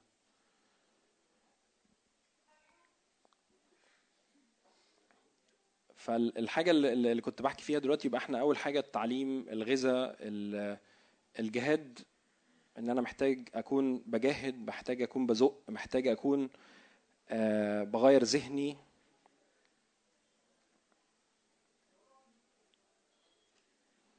محتاج أكون بستثمر حاجة. لو أنت النهاردة حاسس إني أنا أصلا ربنا قال لي إن أنت هتبقى واعظ. أيوه حلو ماشي. أصل أنت ربنا قال لي إن أنت هتبقى المسبح العظيم. حلو مفيش مشكلة. بتعمل إيه بقى مسبح عظيم بجد؟ بتعمل إيه؟ لا ما بعملش حاجة بحفظ ترانيم. أو بعدين؟ فيطلع يرنم تخ ديز دي بعدين يقول لك إيه؟ أنا مفيش حاجة بتحصل. أصل أنا حاسس إن القاعة مقفولة. أيوه مقفولة ليه يعني؟ أنت أنت بتعمل إيه قبل ما يعني قبل ما تبقى مسبح؟ أنا بتكلم جد. بتعمل إيه؟ يعني هل هو إن الواحد يتعلم؟ يعني يمكن في ناس كتير هنا تربية موسيقية وعارفين مثلا. هل إن أنا بعرف أعزف ده معناه إن أنا ينفع أسبح وأقود تسبيح ولا لأ؟ لأ. هل إن أنا دارس مش عارف إيه في الكتاب ولا معرفش إيه ده معناه إن أنا ينفع اوعظ لأ. مش شرط أنا بقول آه الدراسه حلوة وكل حاجة بس قصدي أنا محتاج حياتي الروحية تبقى عاملة إزاي؟ مش بمقدار تعليمي في الموسيقى ده معناه إن أنا ينفع أعمل أي حاجة. لأ أنا محتاج زي ما أنا بتعلم أعزف أنا محتاج أتعلم أبقى قدام ربنا وأتحب منه وأكبر وكذلك العكس. في ناس تبقى بتحب ربنا قوي بس هو مش عايز يتعلم الآلة. يعني هو ربنا قال له إن أنت هتبقى المسبح العظيم بس أنا مش عايز أتعلم آلة. أيوه ليه حبيبي؟ طب أنت هتعزف إيه في الاجتماع مثلا لو أنت هتقود تسبيح؟ لا لا لا لا هو أنا أنا يعني ربنا هيعلمني. طب طب انت هيتعلمك إزاي هتنام تصحى تبقى متعلم؟ أنا بتكلم جد. آه ربنا هيساعدنا نتعلم أسرع هيدينا قوة نتعلم أسرع لكن مش محتاج تحرك نفسك محتاج أمسك الكيبورد ده وابتدي أروح لحد يعلمني أو أشوف بقى حاجات على اليوتيوب وأتعلم. محتاج أعمل حاجة برضو. الحاجة اللي شغلاني قوي الصلاة. لأي مدى إحنا بنصلي؟ أو لأي مدى فهمنا عن الصلاة. التعليم هي حاجة مهمة بس لو أنا بتعلم وبذاكر ومش بصلي فكأني مش بفعل الحاجة اللي حاصلة جوه التعليم. أكتر مفتاح قوي جدا هي الصلاة. حتى الكتاب بيقول إن إحنا محتاجين نصلي بلا انقطاع يعني إحنا محتاجين طول الوقت بنصلي. لو عندي مشكلة مش مش مشكلتي في إن أنا أشوف الحلول بذهني أو إن أنا أروح أحكي مع فلان الفلاني أكتر حاجة مفتاحية جدا إن أقعد قدام ربنا وأصلي. إحنا مفتقدين الصلاة بالشكل اللي هو أنا محتاج أشحن روحي زي ما كنت بقول في الأول. الصلاة بالروح أو الصلاة الصلاة بألسنة هي أنت بتشحن روحك بتشحن حاجة نازلة من فوق. لو طول الوقت بتقرأ وانت مش بتصلي فمش نافع أو بتصلي ومش بتقرأ برضو مش نافع. حد يتفق معايا في كده؟ كتير كنت بحس أجي أتكلم مع ناس يقولوا لي أنت مش عارف إحنا بنصلي كام ساعة في اليوم؟ أيوه بتصلي؟ إيه يعني بتعمل كام ساعة في اليوم؟ بيقول لي بقى بقى لا انت مش متخيل أنا بصلي قد إيه. ماشي. طب إيه أخبار الكتاب؟ هو ما يعرفش الكتاب ده بيحكي عن إيه. صدقوني مش بهزر مش ببالغ. وتلاقي العكس في واحد يقرأ الكتاب ي- يعني عارفين اللي هو إيه أنت داخل كأنك الكتاب اللي هو إيه حافظين. آه مش عارف إيه والإنجيل ما أعرفش إيه. وإيه تك تك تك بس مش بيصلي. ففي حاجة ناقصة هنا. يسوع نفسه كان دايما في كل حتة بيتحرك فيها كان تلاقي يقول لك إيه يسيب التلاميذ ويدخل إلى موضع الخلاء ويصلي. ده يسوع برضو. يسوع كان بيكرر يطلع من الأحداث أو حتى لو هو كان شكله بيتحرك وسط الناس وبيصلي مع ناس وناس بتخف. وده يسوع و... آه كان بياخد نفسه وراح طالع لوحده ويقرر إن هو يبص على فوق ويشوف الآب بيقول إيه وأنت يا رب عايز تقول إيه ويتحرك هو ده اللي أنا جوايا برضو إني من ضمن المفاتيح التعليم وتجديد الذهن والصلاة كل دي كأنها محطات لازم تكون في حياتنا ثابتة. ما ينفعش حاجة وحاجة تانية أقول لأ أصل هي يعني هتيجي كده بالحب.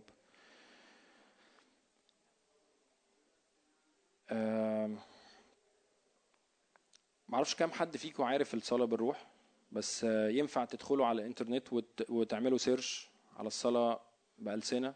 الصلاة بالروح هي صلاة أنت فيها ذهنك بلا ثمر لكن روحك تصلي جواك. للي مختبر أو مش مختبر هي لكل الناس. أنا عارف هي دي حاجة جانبية بس ارجع كده البيت واعمل search وصلي. لو أنت مش بتصلي قول يا رب اديني أتكلم بتملي بألسنة جديدة. والألسنة دي في كل مرة أنت حاسس إن حتى الكلام العربي اللي هو محدود جدا لا أنا بقرر إني أصلي بألسنة وأشحن روحي فابتدي أتنقل من حتة لحتة تانية.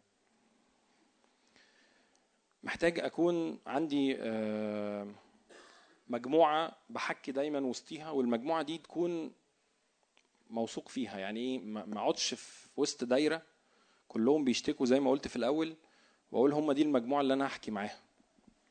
محتاج أكون في وسط مجموعة من المؤمنين. المجموعة دي هي السند. هي اللي فعلا لما أكون مش أحسن حاجة نكون بنتحد مع بعض ونصلي من أجل الحتة اللي أنا فيها أعبر منها. يبقوا من الآخر كأنهم ظهري كأنهم بيسندوني في الوقت اللي أنا فيه يمكن أكون مش أحسن حاجة.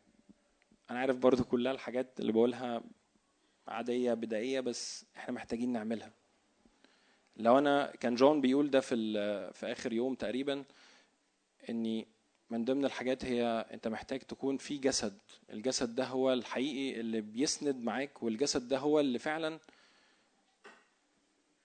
من خلاله في شعلة نار بتنزل في إن ال- ال- ال- الجماعة لو واحد كأنه الوقت ده مش أحسن حاجة فهو كأن الناس التانية بتشحنه فبيبتدي يعدي من المشكلة اللي هو فيها. لو انت حاسس اني لا اصل أنا جامد جدا وأنا مفيش زيي وأنا انت ما تعرفش أنا بعمل إيه في البيت بتشقلب وبشوف 14 ملاك في اليوم. أنا مش ببالغ. أنا بقى يا جماعة بسمع حاجات كده يقول لسه انت مش عارف ربنا بيوريني. ماشي. طب انت في إيه نحكي كده بعد كده الاقي إيه في حتة كده تحس ان هي يعني بيتكلم في حاجات غريبة شوية. أيوه طب فين مين بتشارك معاه؟ لا ما بشاركش مع حد. طب انت فين الخادم أو الحد القائد أو الحد اللي انت بترجع له في اللي انت بتشوفه؟ لا لا لا ما برجعش لحد. انا ربنا بيوريني. ماشي. واكتشف في الآخر هو غالبا بيشوف حاجات تانية في العالم التاني ما أعرفش. كتير قوي لما بنحكي مع بعض في مجموعة آمنة فاحنا كأننا بنختبر مش مش بنقيم بعض أو مش بنعدل على بعض بس كأن بنمتحن الحاجات دي. أنا لما بروح النهارده أقول لأمير حاجة فأنا دايما بقول له يا أمير امتحن اللي أنا بقوله حتى لو هي صلاة. فأنا بصلي بقول له أنا شايف مثلا أنا شايف إن الوقت اللي جاي ما أعرفش هيحصل كذا كذا كذا وأنت مش عارف هتشتري إيه وتعمل إيه. فأنا ممكن أروح قايل أي كلام وشكله صلاة وغالبا أسوح أمير وبجد أصل أنا شايف شايف كلمة أنا شايف أو حاسس أو شاعر أو ايا كان المسمى اللي أنت بتحطه لنفسك وغالبا ماشي بدماغي. فأنا مش محتاج أمشي بدماغي على قد ما أنا محتاج أقعد في مجموعة آمنة أحكي قدامهم. ولما أحكي قدامهم تلاقي مثلا حد ربنا حط حكمة عليه إن هو يقول لك إيه ده بس خد بالك يا ميشو أنت اللي أنت بتقوله ده مش ماشي قوي مع الكتاب. طب ما تيجي نرجع نشوف الكتاب بيقول إيه؟ إيه المرجعية لينا؟ الكتاب. آه يمكن ترجع للقائد بتاعك أو للخادم بتاعك. حلو. بس أنت محتاج تشوف الكلام ده ماشي مع مع الكتاب ولا مش ماشي مع الكتاب؟ هل ال ال ال ال ال الكلام اللي أنا بقوله معارض ولا مش معارض؟ وده برضه هقدر أعرفه من القعدة وسط مجموعة وسط ناس بحكي معاهم بقول لهم قلبي حتى لو حاجة شكلها مجنونة بس أنا بحكي ده. ونقعد ونختبر ونصلي. ده لا يمنع صلاتك في بيتك الخلوة بتاعتك الشخصية القعدة ايا كان المسمى عشان في ناس بتكره كلمة خلوة. الموضع الخلاء زي ما يسوع كان بيتحرك أو الحتة اللي أنت فيها بتتحب منه وبيحبك مفيش حاجة تانية بتعملوها. ال ال الحتة دي دايما موضوع ال الاجتماعات بقى اللي عايز أتكلم عليها شوية. آه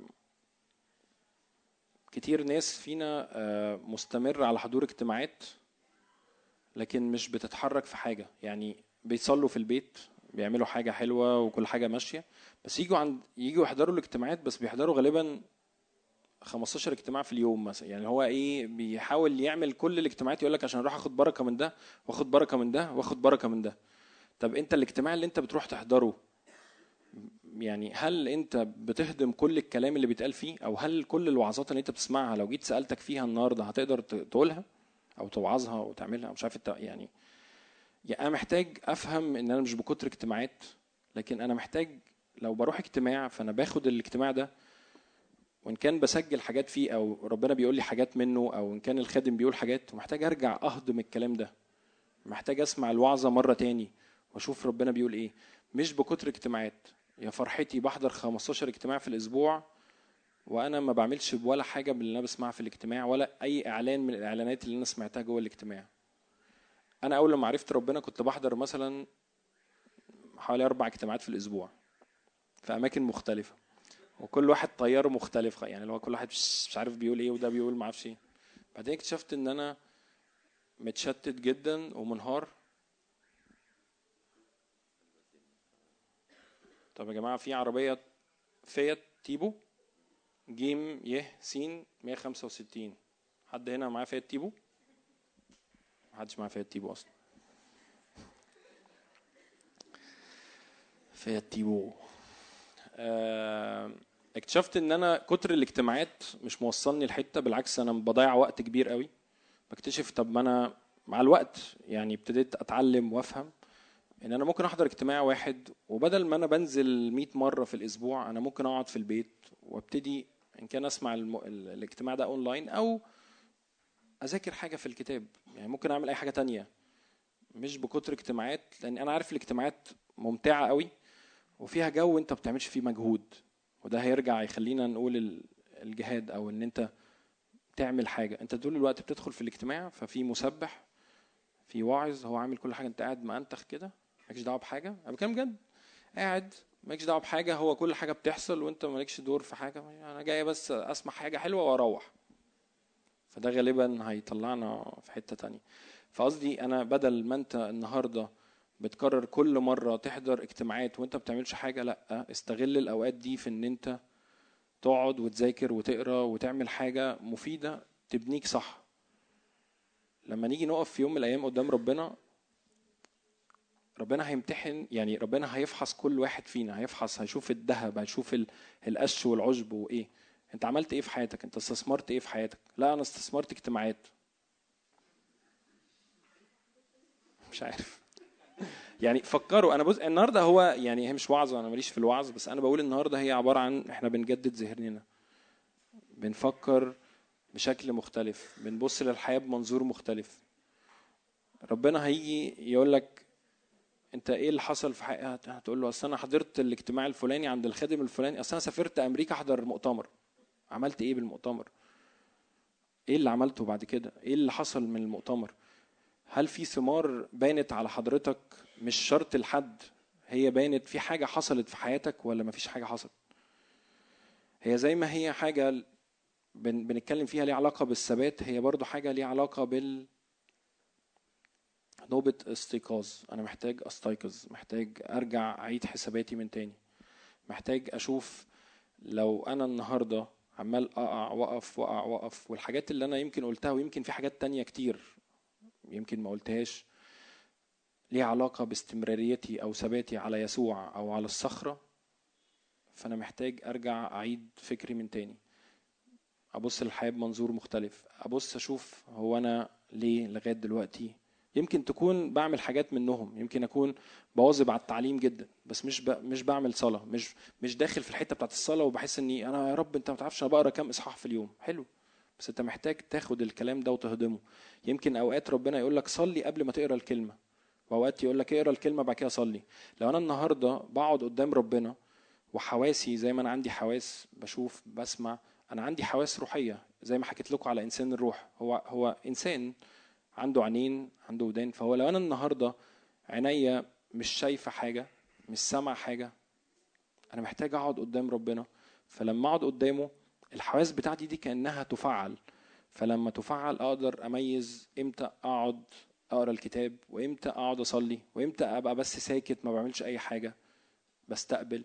وإمتى فعلا الحياة برضو في الصلاة مش حياة حرب طول الوقت ويا بنتهرك يا إبليس يا مش عارف دب دب دب مش كده بس. أنا بتكلم جد في ناس بلاقيها طول الوقت في صلواتها كلها هجوم آه، دي دي دي دي دي.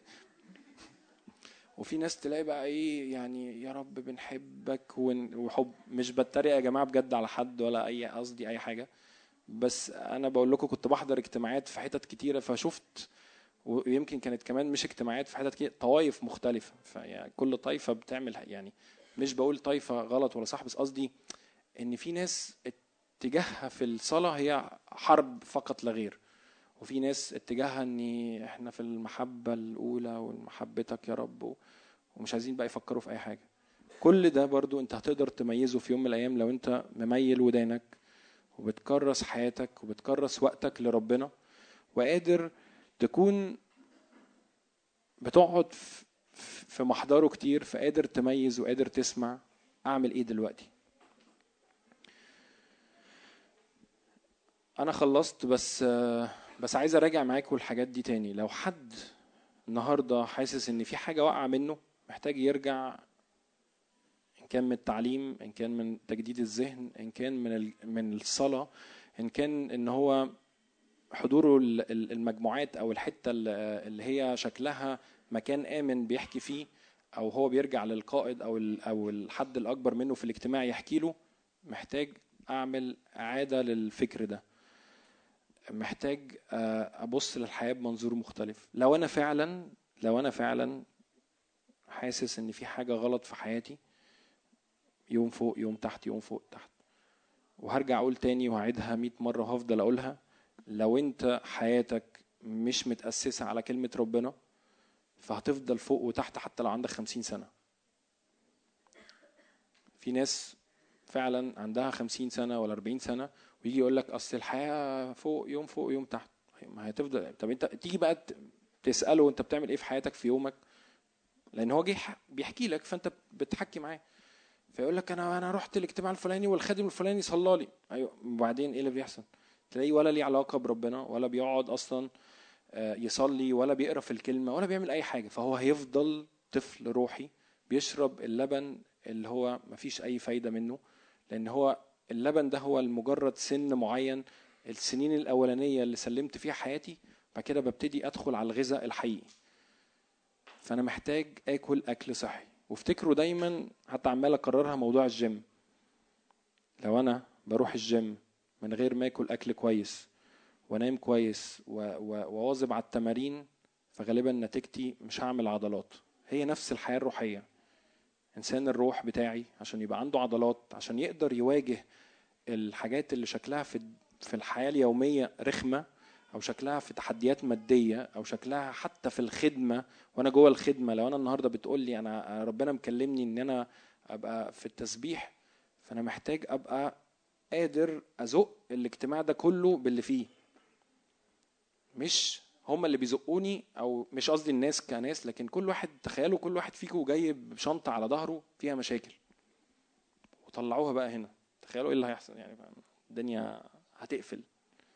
آه إحنا بنيجي عند يسوع بس محتاج الشخص اللي يبقى واقف ده هو يبقى عنده عضلات على الأقل يزق لحتة علشان حضور ربنا يكون بيجي. ده دور من الدور بتاعه. بس قصدي لو أنا النهارده عايز أتحرك في الخدمة وربنا مكلمني في حاجات محتاجه أربي عضلات.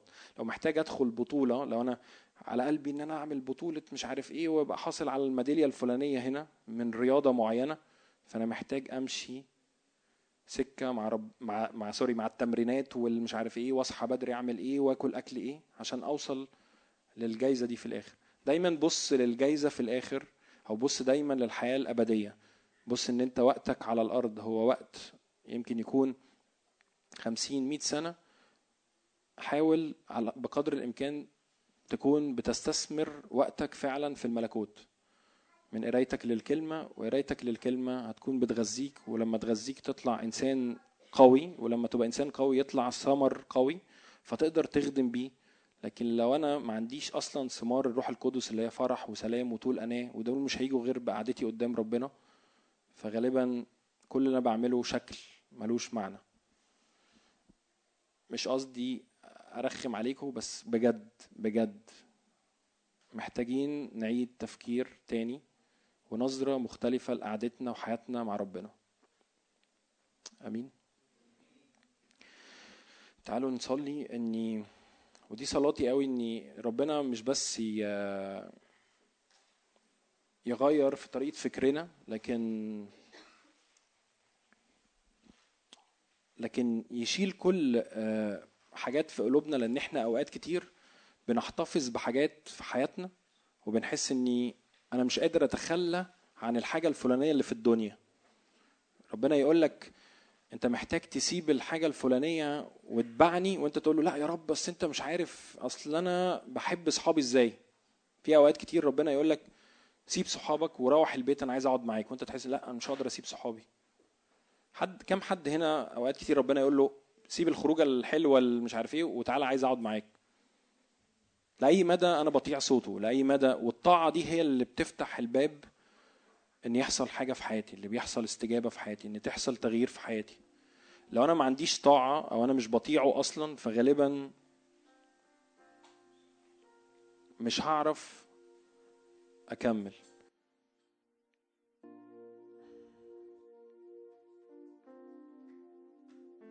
يا رب علمنا نكون قلوبنا طيعة يا رب في قلبك.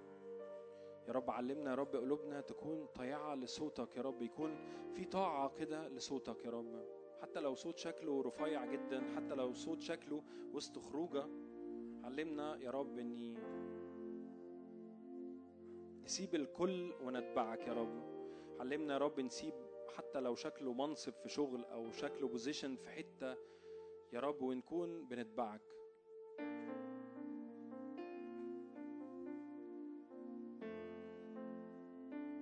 يا رب أغمرنا بمحبتك دلوقتي يا رب. نكون يا رب فعلا مثبتين ومتأسسين على كلمتك يا رب.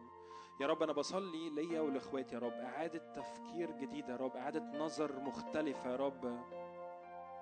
ما نكونش يا رب بنكمل بنفس الاتجاه. ما نكونش بنكمل بنفس الروح دي يا رب. لكن تعالى بروحك القدوس يا رب. انزع كل حاجة قديمة. تعالى يا رب شيل يا رب كل شنط يا رب على كتاف يا رب الناس هنا وتعالى يا رب احملهم إلى حضنك دلوقتي يا رب.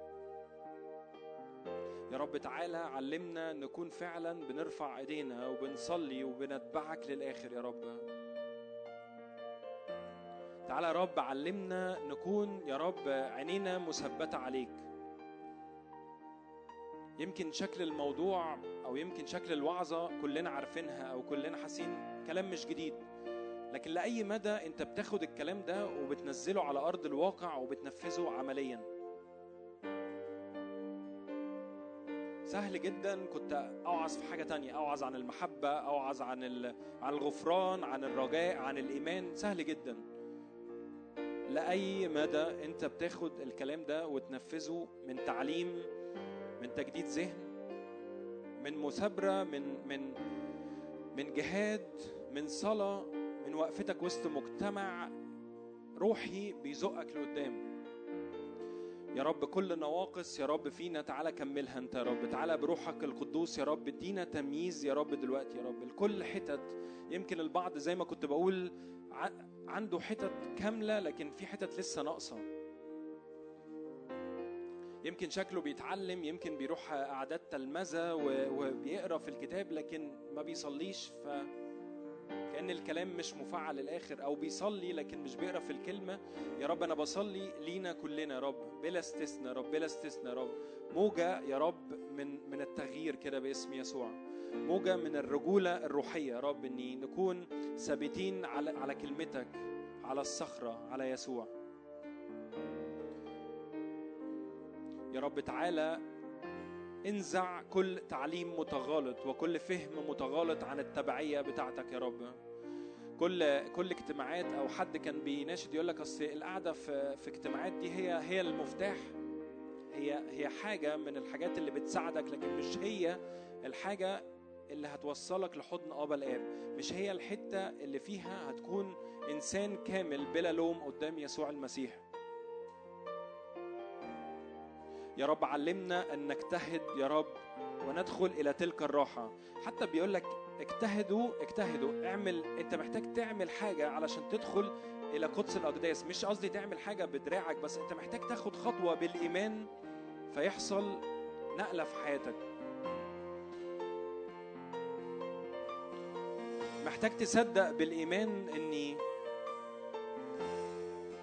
إني مش هينفع أكون بكمل كده وانت روح الله اللي تيجي تغير كل أنظمة وكل منظور مختلف للحياة. تعالى يا رب شكل قوانينا تكون صالحة وكاملة للسيد. تعالى يا رب لما نيجي في يوم من الأيام يبقى عندنا زيت يا رب فعلا نقدمه يا رب. زي العذارى الحاكمات. لو أنا النهارده زي العذارى الحاكمات قررت أعمل أي حاجة تانية في الحياة وما جمعتش الزيت فغالبا أنا مش هوصل لحتة برضو. يا رب علمنا إزاي نجمع الزيت يا رب. علمنا إزاي نقعد في محضرك. علمنا إزاي نقعد في حضورك يا رب في أوضنا. حتى لو مش قادرين لكن يا رب بنفتح قوى السماوات دلوقتي يا رب. على كل أوض على كل بيوت يا رب هنا كانت يا رب الأوقات كبيرة. كأن كل مرة أدخل أوضتي كأن هي الأفكار بس اللي على الحيطان هي اللي اللي بتدور في ذهني. تعالى يا رب جدد أذهاننا وجدد يا رب الأجواء بتاعت أوضنا. تعالى يا رب باختراقات إلى مفرق النفس والروح والجسد دلوقتي. تعالى يا رب بذهن مجدد يا روح الله دلوقتي. حط إيدك على ذهنك كده معايا وقول له يا رب تعالى غير طريقة تفكيري. ليكن لنا فكر المسيح. ليكن لنا نفسية المسيح. ليكن لنا نفسية يسوع.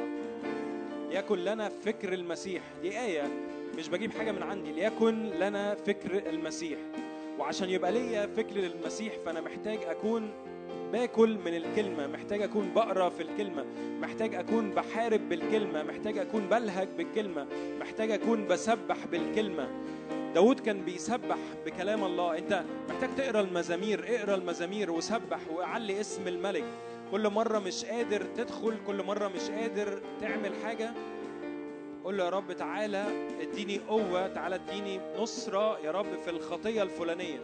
كل مرة بتصارع في إدمانات معينة ومش قادر مش قادر تطلع منها قول له تعالى يا رب اديني قوة اني في يسوع المسيح أدوس على كل حاجة من إدمانات أو مشاكل بعدي بيها. تعالى يا رب ارفع إيماني تعالى يا رب ارفع إيماني دلوقتي يا رب. كل تشوه حصل في الإيمانيات يا رب الوقت اللي فات. كل يا رب تشوه حصل في العلاقات يا رب. مش بس إحنا بن بنعيد تفكير لكن يا رب الرب بيجي دلوقتي يشفي منكسر القلوب دلوقتي. تعالى يا رب طهر ونقي وابرق دلوقتي. تعالى يا رب بغنى ووفرة غير عادية دلوقتي. يا رب لتستجيب يا رب لتستجيب يا رب لتستجيب الأرض دلوقتي لكل صوت من السماء. لقوة الصليب لقوة الصليب دلوقتي بقوة الدم بقوة العهد. لو انت بقالك كتير لو انت بقالك كتير حاسس آم، حاسس اني أنا ال... كأن العهد اللي بيني وبين ربنا اتكسر أو كأن ابليس بيرمي عليك الفكرة دي حط إيدك على قلبك وقول له يا رب تعالى جدد كل عهود دلوقتي. تعالى يا رب جدد يا رب كل وصايا فيا. من ضمن الوصايا أن تثبتوا فيه. يا رب تعالى خليني أكون ثابت فيك. تعالى يا رب آه، حرك ميتك على قلبي دلوقتي.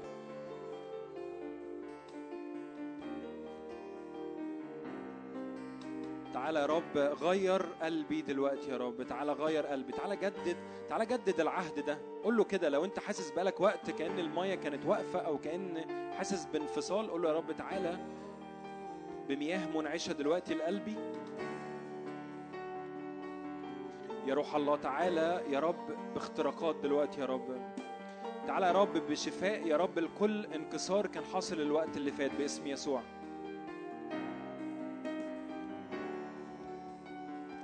يا رب تعالى شيل كل شوك يا رب في الأراضي دلوقتي.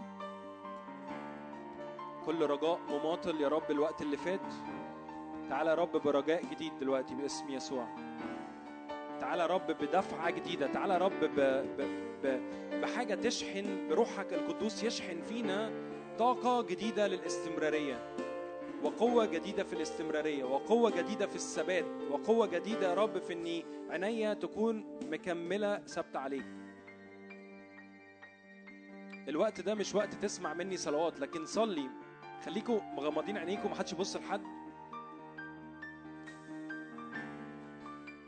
يسوع يعبر يعبر وسط الصفوف دلوقتي يلمس ويشفي ويبرئ الآن. تعالى يا روح الله تعالى يا روح الله تعالى يا روح الله تعالى يا روح الله بقوة نارية دلوقتي. يا رب النار تحرق كل زوان يا رب الوقت اللي فات كل خداع كل تعليم متغالط يا رب عن صلاحك أو عن برك. كل كل تغالط عن الإبوة كل تشوه عن الإبوة. تعالى يا روح الله بمحبة تحوط كل القاعة دلوقتي. في ناس هنا في القاعة كان الوقت اللي فات كان عندها تشوه في العلاقات حاجة ليها علاقة بالإبوة كمان. حط إيدك كده على قلبك وقول يا رب تعالى قابلني. يمكن تكون شكل شفته في بيتنا ففاكر هي دي الإبوة. قول له يا رب تعالى قابلني بالإبوة الحقيقية. يا رب تعالى علمنا نكون بنمسك فيك ولا نرخيك. إني حتى لو البحر هايج أو الموج عالي إني بنظر إليك. خلينا يا رب نعيد إعادة تفكير في كل أمور حياتنا دلوقتي يا رب باسم يسوع. تعالى قلب الأرض تعالى قلب الأرض تعالى قلب الأرض يا روح الله. يا رب أنا بصلي يا رب الأمور غير معتادة يا رب في حياتنا في بيوتنا. نرجع يا رب بشكل غير عادي. يا رب تعالى جدد أذهاننا يا رب لنكون مشابهين صورة ابنك في كل شيء.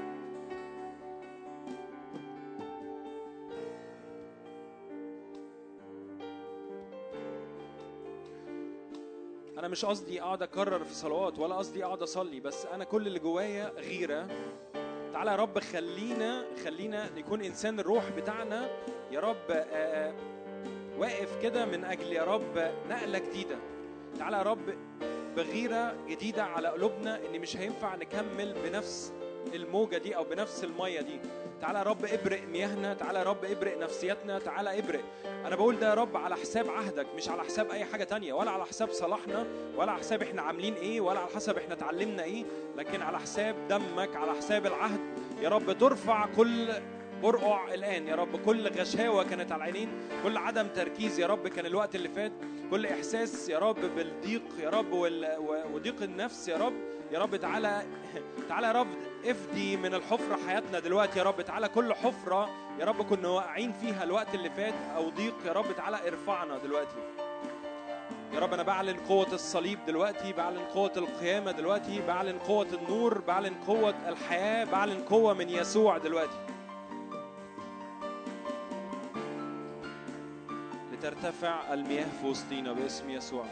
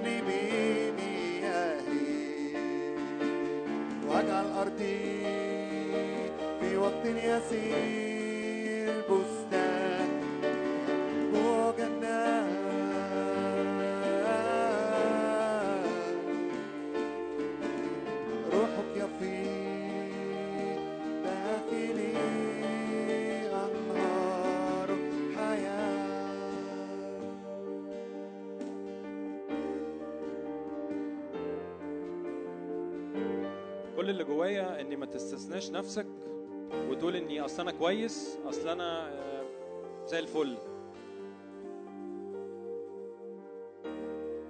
خلينا نعيد تفكيرنا من تاني. يوحنا 15 6 إن كان أحد لا يثبت فيا يطرح خارجا. إن كان أحد لا يثبت فيا إن كان أحد مش ثابت فيا فيطرح خارجا. كغصن يجف ويجمعونه ويطرحونه في النار فيحرق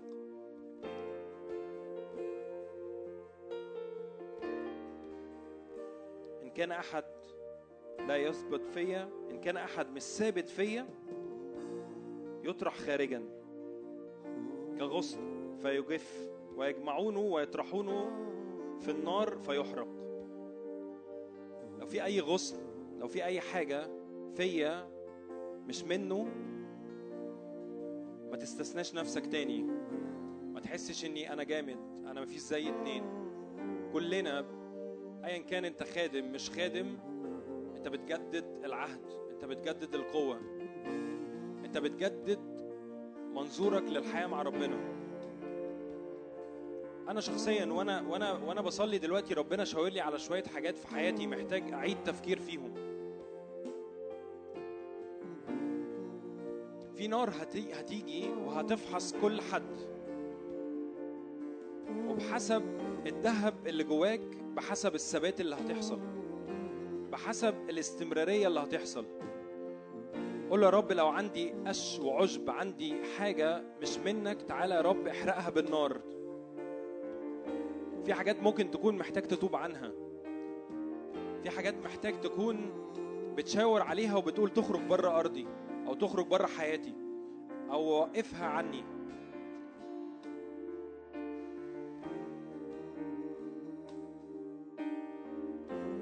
ما تستثنيش نفسك من ده. النار هتنزل وتفحص كل حد.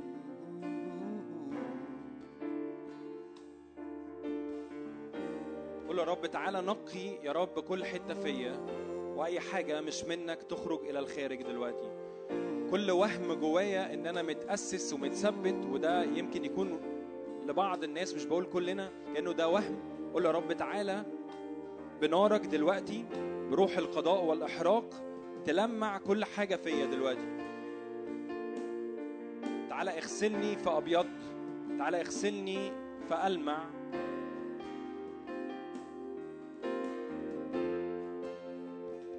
مش بح... مش بحضور اجتماعات ولا بحضور شفتات صلاة ولا بحضور آه، آه، مجموعات لكن أنا محتاج أكون بنزل بقول له يا رب تعالى نزل النار دلوقتي عشان تفحص قلبي.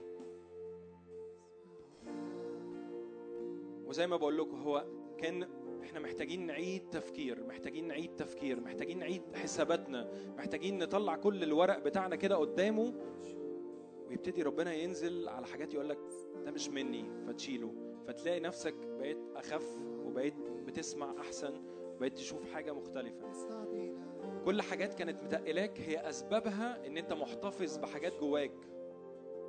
قول يا رب تعالى كل حاجة مش منك دلوقتي تتنقى كل خدمة كنت بعملها علشان نفسي أو كل خدمة كنت بعملها علشان أحس إن أنا جامد. أو حتى الناس بتقول عليا جامد. يا رب تعالى انت بتخدم السيد انت بتجيب قارورة الطيب وبتكسرها تحت رجل السيد. مفيش حد هيجي يسقف لك في الآخر ولا حد هيجي يقول لك انت شاطر في الآخر. النار هتنزل وتفحص كل حد. بمقدار الذهب بمقدار الاستمرارية. يا رب تعالى لمع الذهب. النهارده مش مش القصد أرمي عليك دينونة ولا لوم ولا حاجة لكن بنعيد تفكير كلنا بما فيهم أنا أنا بقول لنفسي هو أنا للآخر بخدم عشان مين؟ عشان السيد ولا عشان الناس؟ للآخر أنا أنا أنا بعمل الخدمة الفلانية دي عشان إيه؟ هل مظهرية؟ هل عشان عندي حتة ناقصة؟ قول له يا رب طب تعالى أنت كمل كل نواقص فيا دلوقتي. كلنا عندنا نواقص مفيش حد إنسان كامل بس إحنا بنسعى إلى إنسان كامل. تعالى روح الله حط إيديك دلوقتي على ذهن كل حد يا رب وعلى قلب كل حد. قوة في العهد يا رب قوة في العهد قوة في الثبات. لو أنت النهاردة مش مسلم حياتك أصلا. تعالى أقول له يا رب اقبل اقبلني تعالى اقبلني من جديد. انت تكون الملك انت تكون السيد. انت تكون الأول والآخر.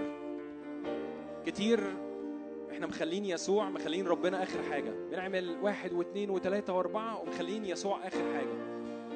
لو أنا محتاج أبقى حقيقي مع نفسي واشوف ربنا ترتيبه إيه؟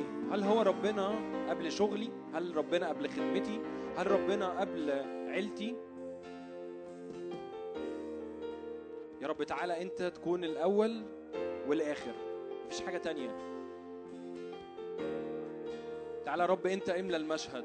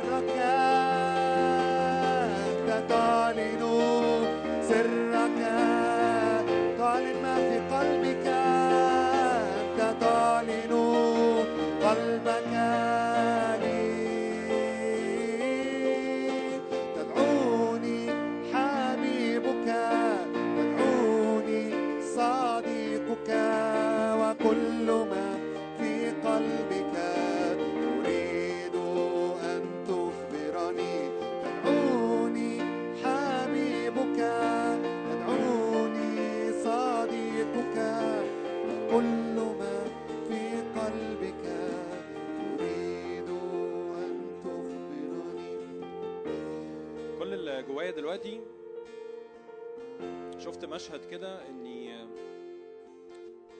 يسوع بيغسل رجلينا دلوقتي. اقبل في ناس عندها كبرية كده حاسس إني لا لا أنا نضيف أنا أحسن أنت مش عارف أنا عامل إيه قبل ما أجي. ايا كان أنت جاي حتى من إيه؟ ده يسوع جاي يغسل رجلك. اقبل إن يسوع يغسل رجلك. تعب من تراب من مشقات من من أحزان من أفكار. ايا كان أنت جاي من إيه؟ مش قصدي جاي من إيه من بيتكو قصدي جاي من إيه بقالك التاريخ الروحي أو أو أو السكة أو المصير اللي أنت مشيته مع يسوع. كأن الرب كل يوم بيجدد العهد كأنه جاي النهارده يجدد العهد. تعالى افتح يا روح الله القلوب دلوقتي. كل قلوب مغلقة الآن باسم يسوع تتفتح دلوقتي. هتلاقي في في في ناس هنا ربنا هيشاور لها على على حاجات معينة محتاجة كأن ترميها في النهر دلوقتي كأن ترميها في المية دلوقتي.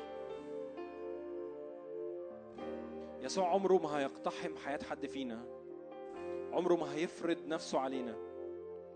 اديله المساحة علشان يدخل يكون بي بيصنع من خلال الروح القدس حاجة جديدة.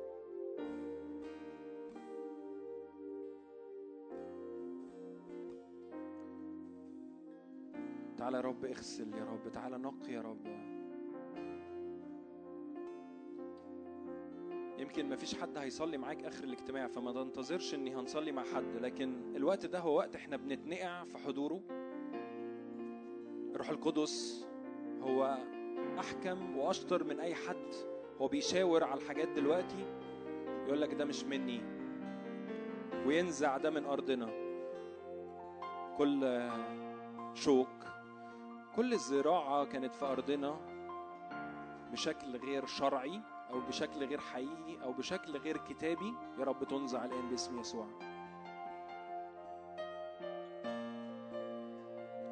يا رب ثمار الروح القدس بس هي اللي تبقى يا رب. هي الفرح هي السلام هي طول الأناة يا رب هي التعفف. يا رب الناس هتعرفنا من ثمارنا مش هتعرفنا من خدمتنا لا هتعرفنا من ثمارنا.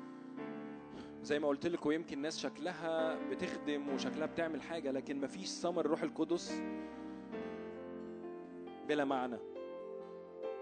لو مش بعرف أحب أخويا ومش بعرف أضحي من أجل أخويا ومش بعرف أشيل أخويا ومش بعرف أعمل ده وبقول أصل أنا بخدم وبطلع أمسك مايك ولا بعزف ولا بعمل بدون محبة مش هتع... مش هنعرف نكون بنكمل يا رب تعالى افحص يا رب كل أوض مغلقة دلوقتي جوانا. تعالى يا رب بنورك دلوقتي فيشع نورك فيهرب كل ضلمة. يا رب وأنا أولهم يا رب أنا بصلي يا رب لكل حاجة جوايا وجوا إخواتي يا رب. تعالى كل مية كانت راكدة أو كل مية كان فيها يا رب آه، آه، حاجة مش مش نظيفة. تعالى يا رب ابرق مياهنا دلوقتي. كل كان منسوب مية قليل أو أو كأن زي البطارية ال- الشحن بتاعنا كان ضعيف. تعالى يا رب علي الفولت جوانا دلوقتي. بس عشان نعلي الفولت عشان الرب يجي بفولت عالي محتاج تفضي كل حاجة جواك. فزي ما قلت يمكن في حاجات محتاج تتوب عنها محتاج تخرجها بره الهيكل. لو إحنا تشبيه زي كأن جوه قاعة ومليانها كراسي كتيرة محتاجين نفضي كل الكراسي عشان السيد يدخل يعيد ترتيب في حياتنا من شكل جديد. ما تحطش خطط لربنا وما تحطش آه، حاجة شكلها حتى لدعوتك وتقول لربنا تعالى امضي. أصل أنا شايف إن أنا هبقى المسبح العظيم. مين قال لك؟ يمكن يكون ربنا عايزك تكون كارز. يمكن يكون ربنا عايزك تنزل في الشوارع وتكلم ناس. لا سيب الروح القدس هو اللي يعلن ليك. ما تحطش حاجات بدماغك.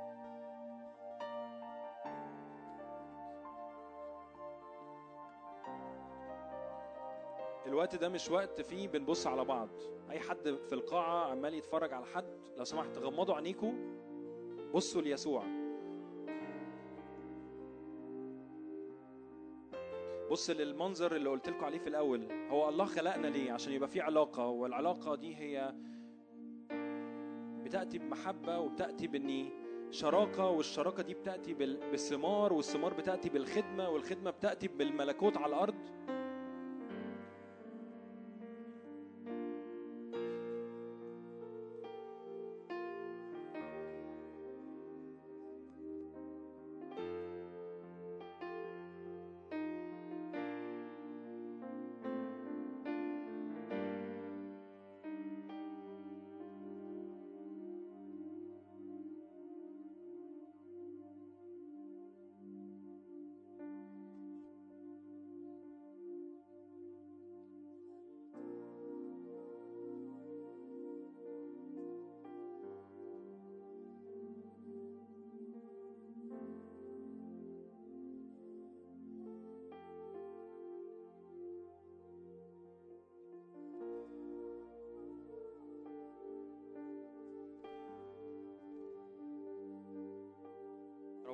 تعالى بألسنة من النار يا رب على كل حد دلوقتي باسم يسوع. تعالى يا رب بمعمودية جديدة. مش بس الرب بيغسل رجلينا لكن الرب بيعمدنا بالروح القدس دلوقتي. معمودية بالنار يا رب معمودية بالروح القدس يا رب. أتحدث يا رب بكم صنعت بينا يا رب.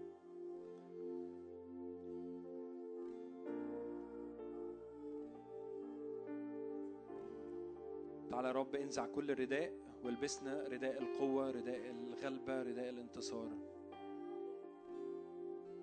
لا ننظر إلى الوراء لكن ننظر إلى رئيس الإيمان ومكمله يسوع.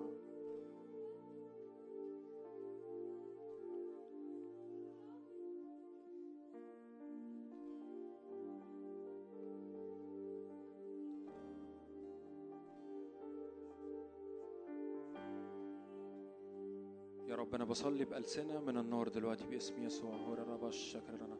لو حد بيصلي بألسنة خلينا نصلي خلينا نتحد مع بعض. في معمودية بتحصل. البعض فينا كان في المؤتمر والمؤتمر كان بيتكلم على العلية حصل اني ملء والملء حصل معمودية بالروح القدس وبدأ التلاميذ يتكلمون بألسنة جديدة. أنا بصلي قوة في إنسان الروح دلوقتي باسم يسوع. يمكن كانت ال- ال- المحطة اللي فاتت هي محطة فيها توبة وغسيل. ربنا بيغسل الماضي بيغسل الوقت. الوقت ده هو وقت فيه فولت عالي. استقبل قوة من العالي دلوقتي باسم يسوع. في نقلة في إنسان الروح في نقلة في الإدراك في نقلة في الفكر. يا روح الله تعالى بنقلة بنار آكلة دلوقتي. تعالى روح الله بمعمودية بالنار دلوقتي. تحل علينا كلنا رب. نقلة جماعية باسم يسوع. هو الرب الشكر هي يا رب تعالى فجر جوع وعطش غير عادي في القاعة دلوقتي باسم يسوع. جوع للكلمة جوع يا رب لأني ننظر إليك جوع يا رب للمحبة الأولى جوع وغيرة غير عادية يا رب. إنسان الروح يا رب يكون شارب جدا يا رب يكون حاد جدا ضد الخطية ضد العادي ضد العالم ضد كل حاجة بتجيبنا إلى الوراء يا رب. كل حاجة بتخلينا ننظر إلى الوراء. نار أكلة يا رب نار أكلة يا رب نار أكلة يا رب نار أكلة تزداد في القاعة باسم يسوع. على حساب عهدك على حساب قوتك دلوقتي باسم يسوع.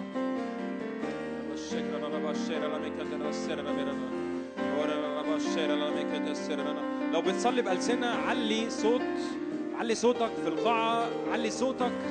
يا رب تمتلئ يا رب تمتلئ السحابة في القاعة دلوقتي. بنار حضورك بجمرات من النار دلوقتي باسم يسوع. في نقلة بتحصل. في نقلة بتحصل في كيانك. يا رب أنا بصلي استجابات دلوقتي. استجابات سريعة يا رب. استجابات سريعة في النفس وفي الروح وفي الجسد باسم يسوع. استجابات يا رب. استجابات. هي رب. الشكر إيه يا رب لتوسع مكان خيمتنا لتطيل أطنابنا لنتسع إلى اليمين وإلى اليسار. اوسعي مكان خيمتك اطيلي أطنابك يا مدينة الله فينا. يا رب أنا بصلي الهيكل يتسع دلوقتي باسم يسوع. بصلي يا رب إن كل محدودية وكل ضيق نفس يا رب يتسع الآن باسم يسوع. إيه يا رب الشجرة هب يا روح من الرياح الأربعة. هب يا روح من الرياح الأربعة دلوقتي. هب يا روح من الرياح الأربعة الآن. رب الشجرة لا هو لا بك السر املأ يا روح الله املأ يا روح الله. غنى ووفرة ومحبة وطول أناة وثمار غير عادية يا رب تنفجر دلوقتي. مواهب الروح القدس يا رب. كل لخبطة في الدعوة كل لخبطة في الهوية. الآن باسم يسوع استقرار وثبات غير عادي باسم يسوع. حدية في الروح حدية في الروح يا رب. إنسان الروح إنسان الروح ما ما يكملش بنفس الشكل. النفس ما تكملش بنفس الشكل يا رب. نثور ونغضب ضد الخطية ضد العادي. موجة وراء موجة من النهضة باسم يسوع. لو عايز أغير لو عايز أغير شكلي أجدد ذهني. يا رب تعالى علمنا نجدد أذهاننا بكلمتك. يا رب الشكر يا رب بك تسر هو لله بك الشر إيه يا روح الله تعالى بنهر سباحة لا يعبر باسم يسوع. لا اكتفاء لا اكتفاء يا رب لا اكتفاء. ما نحسش إني أنا أنا خلاص كده أحسن حاجة. هي يا رب أشكرك لأن لا محدودية في حضورك لا محدودية في آيات وعجائبك يا رب لا محدودية في القوة الخارجة منك. لأنك مش إنسان يا رب محدود لكن يا رب أنت إله الخالق أنت إله قدير أنت إله صالح. يا رب تعالى بشفاءات دلوقتي على كل أجساد على كل نفسيات دلوقتي. باسم يسوع باسم يسوع. نار أكلة نار أكلة يا رب نار أكلة يا رب. نار للإرسالية نار يا رب للنبوات نار يا رب لل... للآيات والعجائب نار يا رب للحركة نار للكرازة. نار باسم يسوع.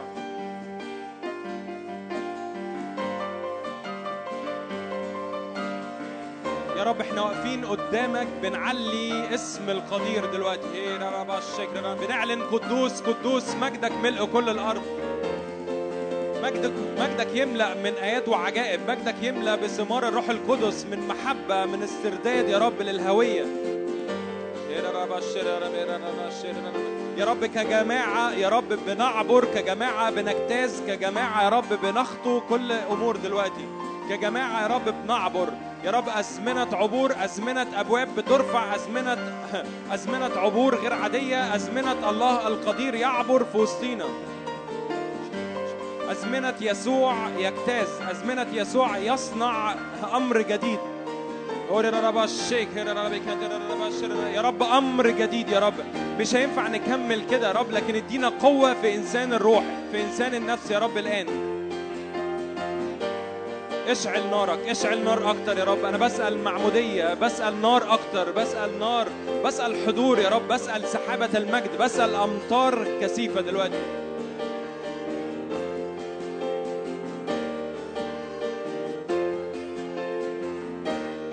يا روح الله أكتر. تعالى يا روح جوع وعطش نادي على روح القدس. ما توقفش تسمع لكن نادي على روح القدس. قول له تعالى يا رب نار أكلة دلوقتي.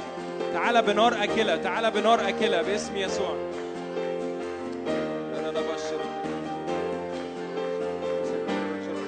تعالى يا رب بموجة. تعالى بموجة. تعالى بموجة دلوقتي. تعالى بموجة يا رب. كل حد لسه آه، في صلاة بقى كأن آه، حاسس إني أنا مستثني نفسي. يا رب تعالى بنار أكلة دلوقتي باسم يسوع.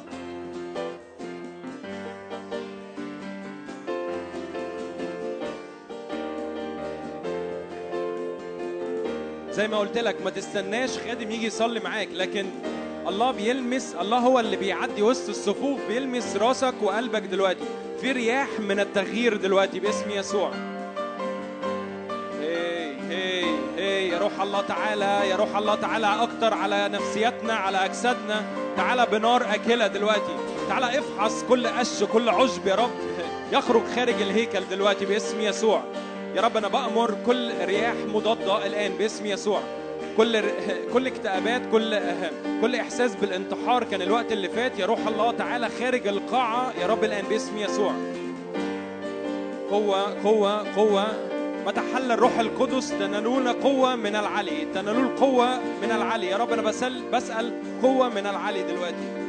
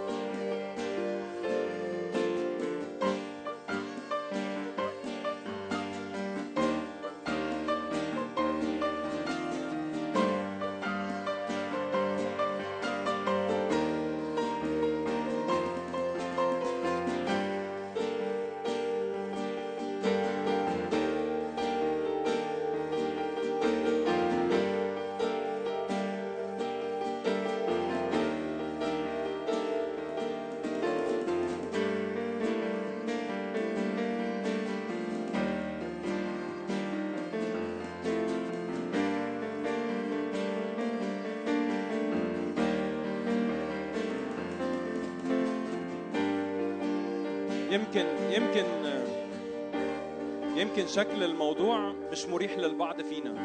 معرفش أنا جوايا وشاعر قوي كده. يمكن لبعض فينا إعادة التفكير في الأمور بتاعته مش مريحة مش حاجة سهلة. عشان إحنا بنختم الوقت ده بس قدامنا يمكن دقيقتين ثلاثة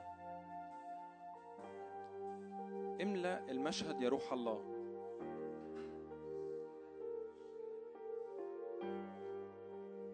كل حاجة العالم حطها فينا فخلتنا كأن ناشفين كده في محضرك. تعالى يا رب دوب قلوبنا دلوقتي في محضرك.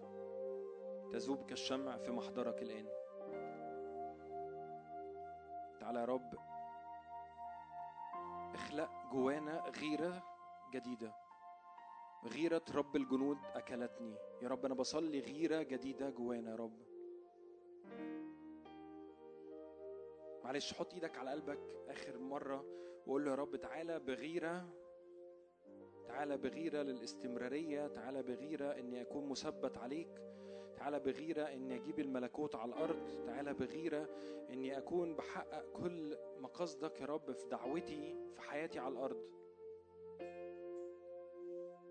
تعالى املى المشهد تعالى أنت البداية والنهاية.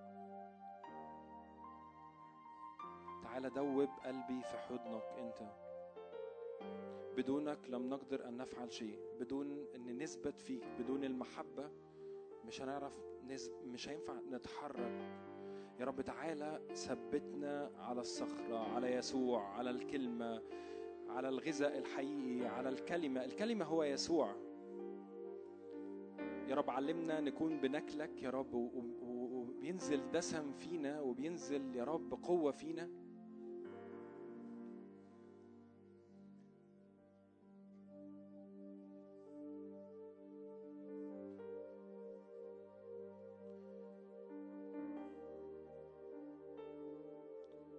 الموضوع مش موضوع حماسي لكن الموضوع هو هو رياح تغيير بتحصل دلوقتي. قال الله ليكن نور فكان نور. بص على لو لسه حاسس إني أنا أرضي خربه وخاليه بص على الله الخالق القدير. نظر للأرض وقال؟ ليكن نور فكان نور. كل حتت لسه خاربة وخالية في حياتك قول له ليكن نور. ومش شغلك تعمل أي حاجة تانية مالكش دعوة. الروح القدس هو اللي دوره هيجي وي... تديله المساحة ان ان كلمته تدخل جواك فتغسلك فتطهرك فتنقيك فتبرئك فتخليك تجتاز خليك تعبر. بكلمة منك يا روح الله تحيي العظام. فعسقيال كده قال له إيه؟ تنبأ تنبأ تنبأ يا ابن آدم تنبأ تنبأ على حياتك تنبأ على مستقبلك تنبأ على على نفسيتك تنبأ على على كل خدمة أنت بتتحرك فيها تنبأ على بيتك تنبأ على على شغلك تنبأ تنبأ على كل عظام قدامك. واعلن حياة لأن الروح اللي أقام يسوع من الأموات هو ساكن فينا. فهو يحيي عظامنا ويحيي كياننا وبقوة وسلطان يسوع. نأمر فيصير. أنا اديتكم السلطان أن تدوسوا الحياة والعقارب وكل قوى العدو. هو ادانا السلطان أن نأمر فيصير. بكلمة من القدير بتخرج مننا بتحسم كل الأمور. لأن في الصليب فقد أكمل كل حاجة خلصت.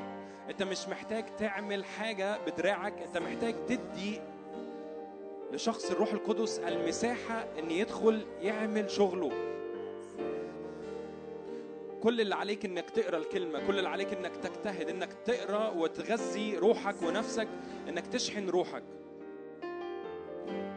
ده الدور اللي عليك. إنك تديله المساحة وتقرأ الكلمة فتغسلك وتنقيك وتغسلك وتنقيك. في استمرارية في الغسيل. تنبأ يا ابن آدم.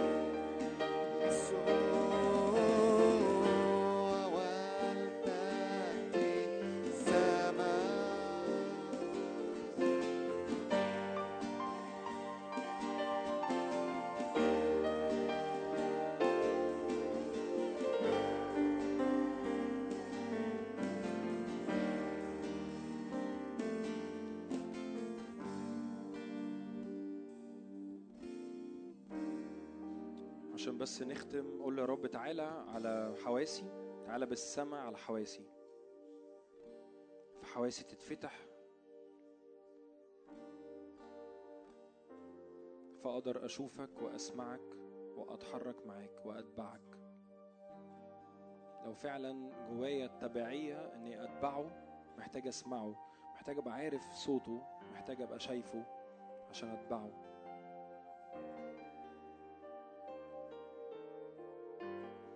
لو الكتاب بيتكلم على البروق والرعود اللي حاصله في السماوات وأنا مش سامعها فأنا محتاج أتبعه فهسمعها.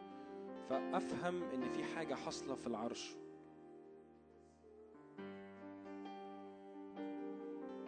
الله بيتكلم السماء بتتكلم الحياة مش ساكتة.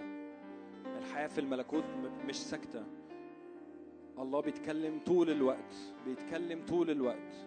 بس اللي هيميل ودانه ويسمعه ويطيعه هو اللي هو اللي هيقدر يعرف أسراره وهو اللي هيعرف يمشي السكة معاه.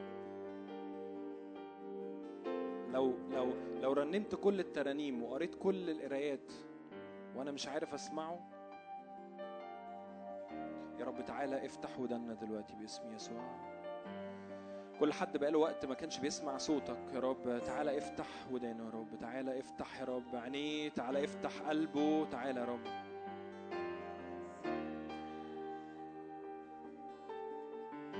تعالى يا رب سمعنا صوت البروق والرعود. تعالى سمعنا كلمة قدوس قدوس ونتحد معاها في اللي حاصلة في العرش. يا رب إعلان القداسة يزداد في وسطينا. إعلان المحبة يزداد. إعلان التوبة والقوة والغفران يا رب يزداد في وسطينا. يا رب تعالى بحماية علينا دلوقتي يا رب. كل بزارة اترمت في أرضنا يا رب. كل كل سكك يا رب. كل إعادة تفكير يا رب. ما نكونش بنطلع بره القاعة وتأتي طيور وتسرق ده يا رب. لكن تعالى يا رب أمن على كل حاجة بختم الروح القدس دلوقتي.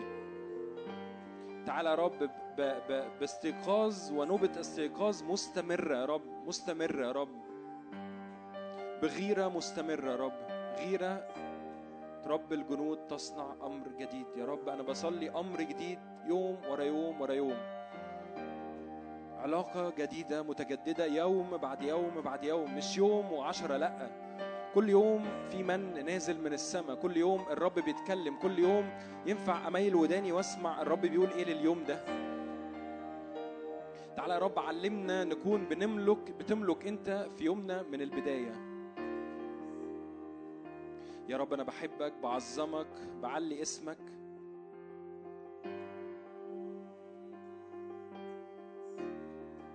جوايا كده إني نعلي اسم الملك. في الأزمنة اللي جاية. نعلي اسم يسوع. نعلي إن هو رئيس السلام. إن رئيس الإيمان. إن هو اخ هو أخ بين إخوة كثيرين. يا رب بنمجدك بنعلي اسمك يا رب. بنعلي اسم الحمل المذبوح لأجلنا. بنعلي اسم يسوع.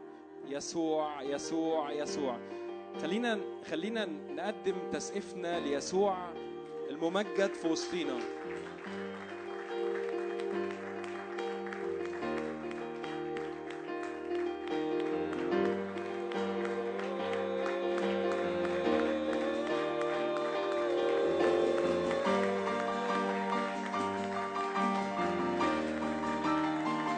الملك في وسطينا الآن. إيه عليه عليه بكلماتك بتسقيفك عليه بالهتاف عليه.